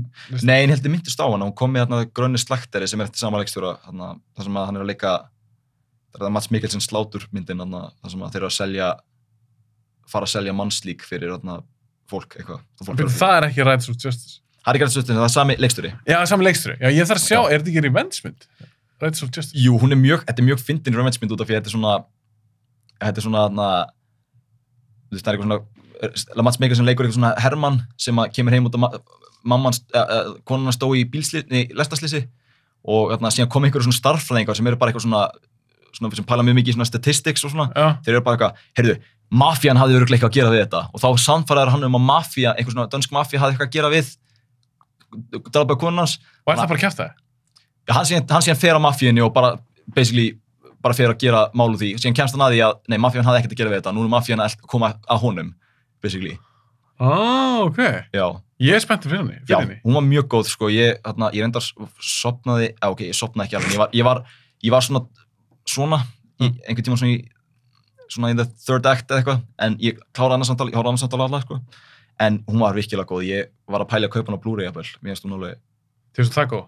mér ást hún mjög góð sko, ég er samt þarna uh, blinkina lukter sem er önnum mynd eftir samanleiksturum, mér finnst hún líka geggjuð það er bara einhverjum gauðra sem er hann að fara að flýja land Mm. bara með fullt af pening og þeir bara svona ákveða allt í hennu heyri nei, stofnum veitingartað já, Er það, ég, veit- ég hef heyrt hennar titil, ég hef ekki séð Já. hana. sko, þeir svona eru að fela sér í skóginum og síðan bara ákveðna og fera einhver svona gömlu húsi og bara heyri, kaupum þetta hús og búum til veitingartað bara, Er það grínmynd? já, þetta er svona grín action mynd Já, og, þeir eru svona, ok. og, og þeir eru síðan bara eitthvað svona við erum að flýja, hvað það tala um já, bara, þú veist, gó- við getum fa- falið okkur hér bara, En maður smekkir sér að leika núna næst held ég í Indy 5. einmitt, Indie film. Spenntur. Ég hef alltaf verið meir Indiana Jones maður en Star Wars maður, þannig að ég, Og Þú ert Indiana Jones maður. já, Hver er besta? uh, ég, draw, Þín upp á. þetta er draw á milli Crusade og Raiders, en ég ætla að segja Raiders og það ég sá hana fyrst. Ok. Ég, mátti samt ekki, ég samt, hef séð Star Wars oftar en Indiana Jones, það er út af því ég mátti ekki sjá Indiana Jones þegar ég var yngri. Ah. Ég sá hana bara einu sem þegar ég var, eða tvisar þegar ég var yngri, en síðan var mamma alltaf, ertu að horfa á Indiana Jones? Nei, ég er bara að horfa á, hann að, hann að, spætum að þetta, en, eh, þarna, en, uh, já, þannig að ég, Indiana Jones, ég fíla það meira. Það, Er, er, ertu spenntu fyrir 50 myndinni? Ertu Ég ég... er- meira forvöldin? Það ég elska Logan. Ég elska Logan og mér finnst Walk the Line, mér finnst hún mjög góð. Ég fíla James Mangold. Ég er opinn fyrir henni. Ég, Ekki spenntur. ég er ekki beint spenntur en ég er mjög opinn fyrir henni. Sant? Ég, Mats Mikkelsen er múin að segja að þetta sé, að þetta sé gott stöf. Mats Mikkelsen sant, hefur, ég, ég veit ekki alveg hvað hans stans er á öllu sant, en kannski er það báta fyrir, kannski er það báta fyrir, ímyndaðir þú ert leikari og þú fara að leika í Indiana Jones mynd. Er það ekki svolítið dream come true og þú ert svolítið svona, já þetta er ekki þetta er ekki Jú. Þannig að þú veist, ég líti á það þannig allavega. Svona, Ég ég er náttúrulega til dæla nýbúin að taka upp Indiana Jones þátt. já, Og við ámum að aðeins að ræða þetta. Ég, Óli og Móni. Já. En þú veist með Mangold, þetta er ekki með Spielberg. nei, það er rétt. Það, Er það, það er mögulega kostur? akkurat. Eða er það galli? Sko, ef þeir, ef þeir gera myndina svona eins og epilog, ekki svona alveg full on Indiana Jones 5, þá held ég að hún gæti verið eitthvað. Bara, ég held, ég, ég, allan- hvernig ég líti á 5 er bara, fjögur var léleg, við viljum ekki að þetta sé svona, við viljum ekki að Indiana Jones serían endi með svona dötti, þannig að gerum einu viðbót til að, að það minnst ákvæmst endi með svona þokkalegu bengi, svona, En hann er svo gamal maður. já, hann er 80 ára núna. Vilt þú sjá 80 ára gamlan Indiana Jones? Sko, ég held, hann, hann alveg var í fínu formi í, hérna, hinni, Já, hún er 2008. hún er 2008, það er alveg tölvört langur tími síðan.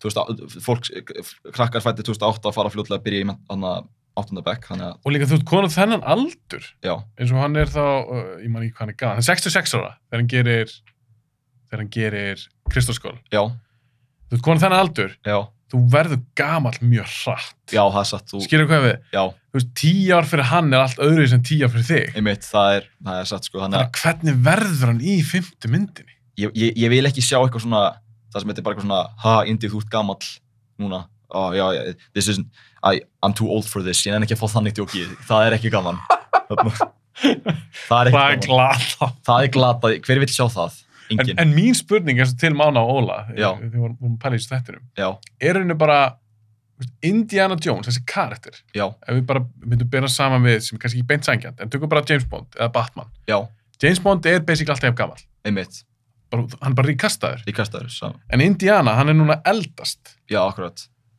Og er, viljum við sjá Indiana Jones sem gamlan mann?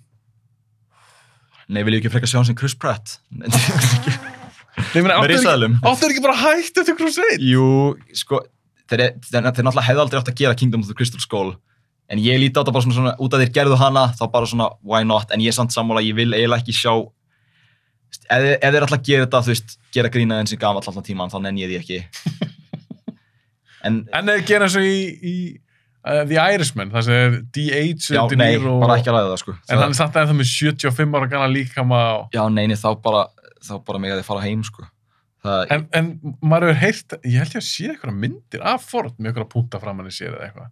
nei, er þeir að fara að gera það Hann gæti verið eitthvað svona flashback. já, Máni held, mér minna Máni að tala um þetta, hann heldur að þetta sé eitthvað svona ævintýri Já, sem já, hann já. náði aldrei að klára. einmitt En núna er hann að klára það. Þá kannski er eitthvað sínt svona flashback eða eitthvað og þá Já. geta verið DH-aður. það er reyndar alveg sniðugt eða svona st- as sniðugt as it gets að gera nýja Indiana Jones mynd, segi ég Og þetta fer svolítið eftir í kannski líka hvernig er eins og bara Ford.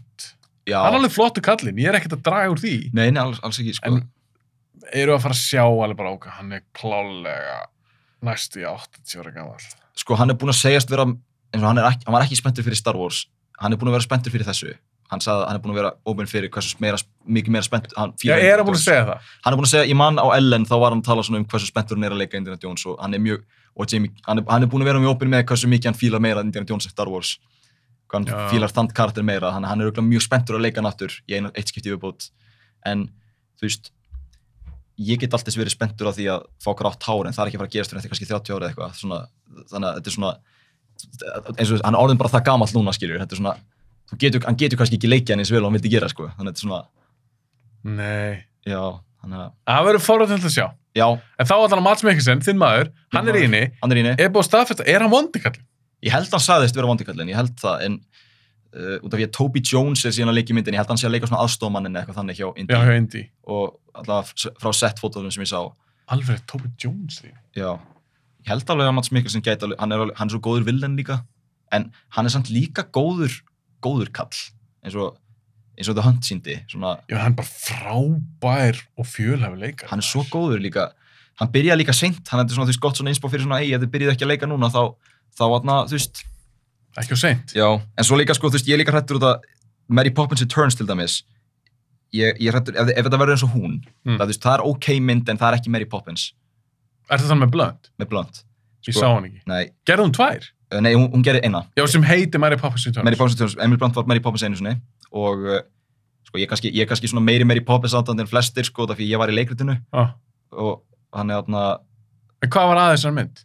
það var sko, út af- út af Mary Poppins er ekki það er ekkit eitthvað svona vondikall í Mary Poppins það er bara, þú veist, bankin er antagonistinn og Mr. Banks er hann stiður the cause of the bank en síðan er Mary Poppins í rauninni svona og krakkandi svona þau út, út, hvað hann lærir út frá þeirra ævintýrum er svolítið það að nei, það er ekki þannig Ja. svona, og, og, og, og bara leifa krakkanum svolítið að þú veist, þau þurfu ekki að fara eitthvað að pæla í investments núna, þau geta bara farið að þú veist, pæla í þau mega alveg eigða pening í eitthvað svona eins og bara að gefa fuglum að borða, Mm bara svona þannig og mér fannst svolítið nýja vantaði svolítið þannig, það var ekkit eitthvað svona þannig út í, þú veist, það er vond, Colin Firth er þessi vondi kall með svona yfarskekk og og, atna, og það sín eitthvað svona chase, car chase í lokin og ég bara eitthvað Mary Poppins með car chase, what the fuck það er svo, já En hvað mennum, vilt að Indy 5 sé ekki þannig?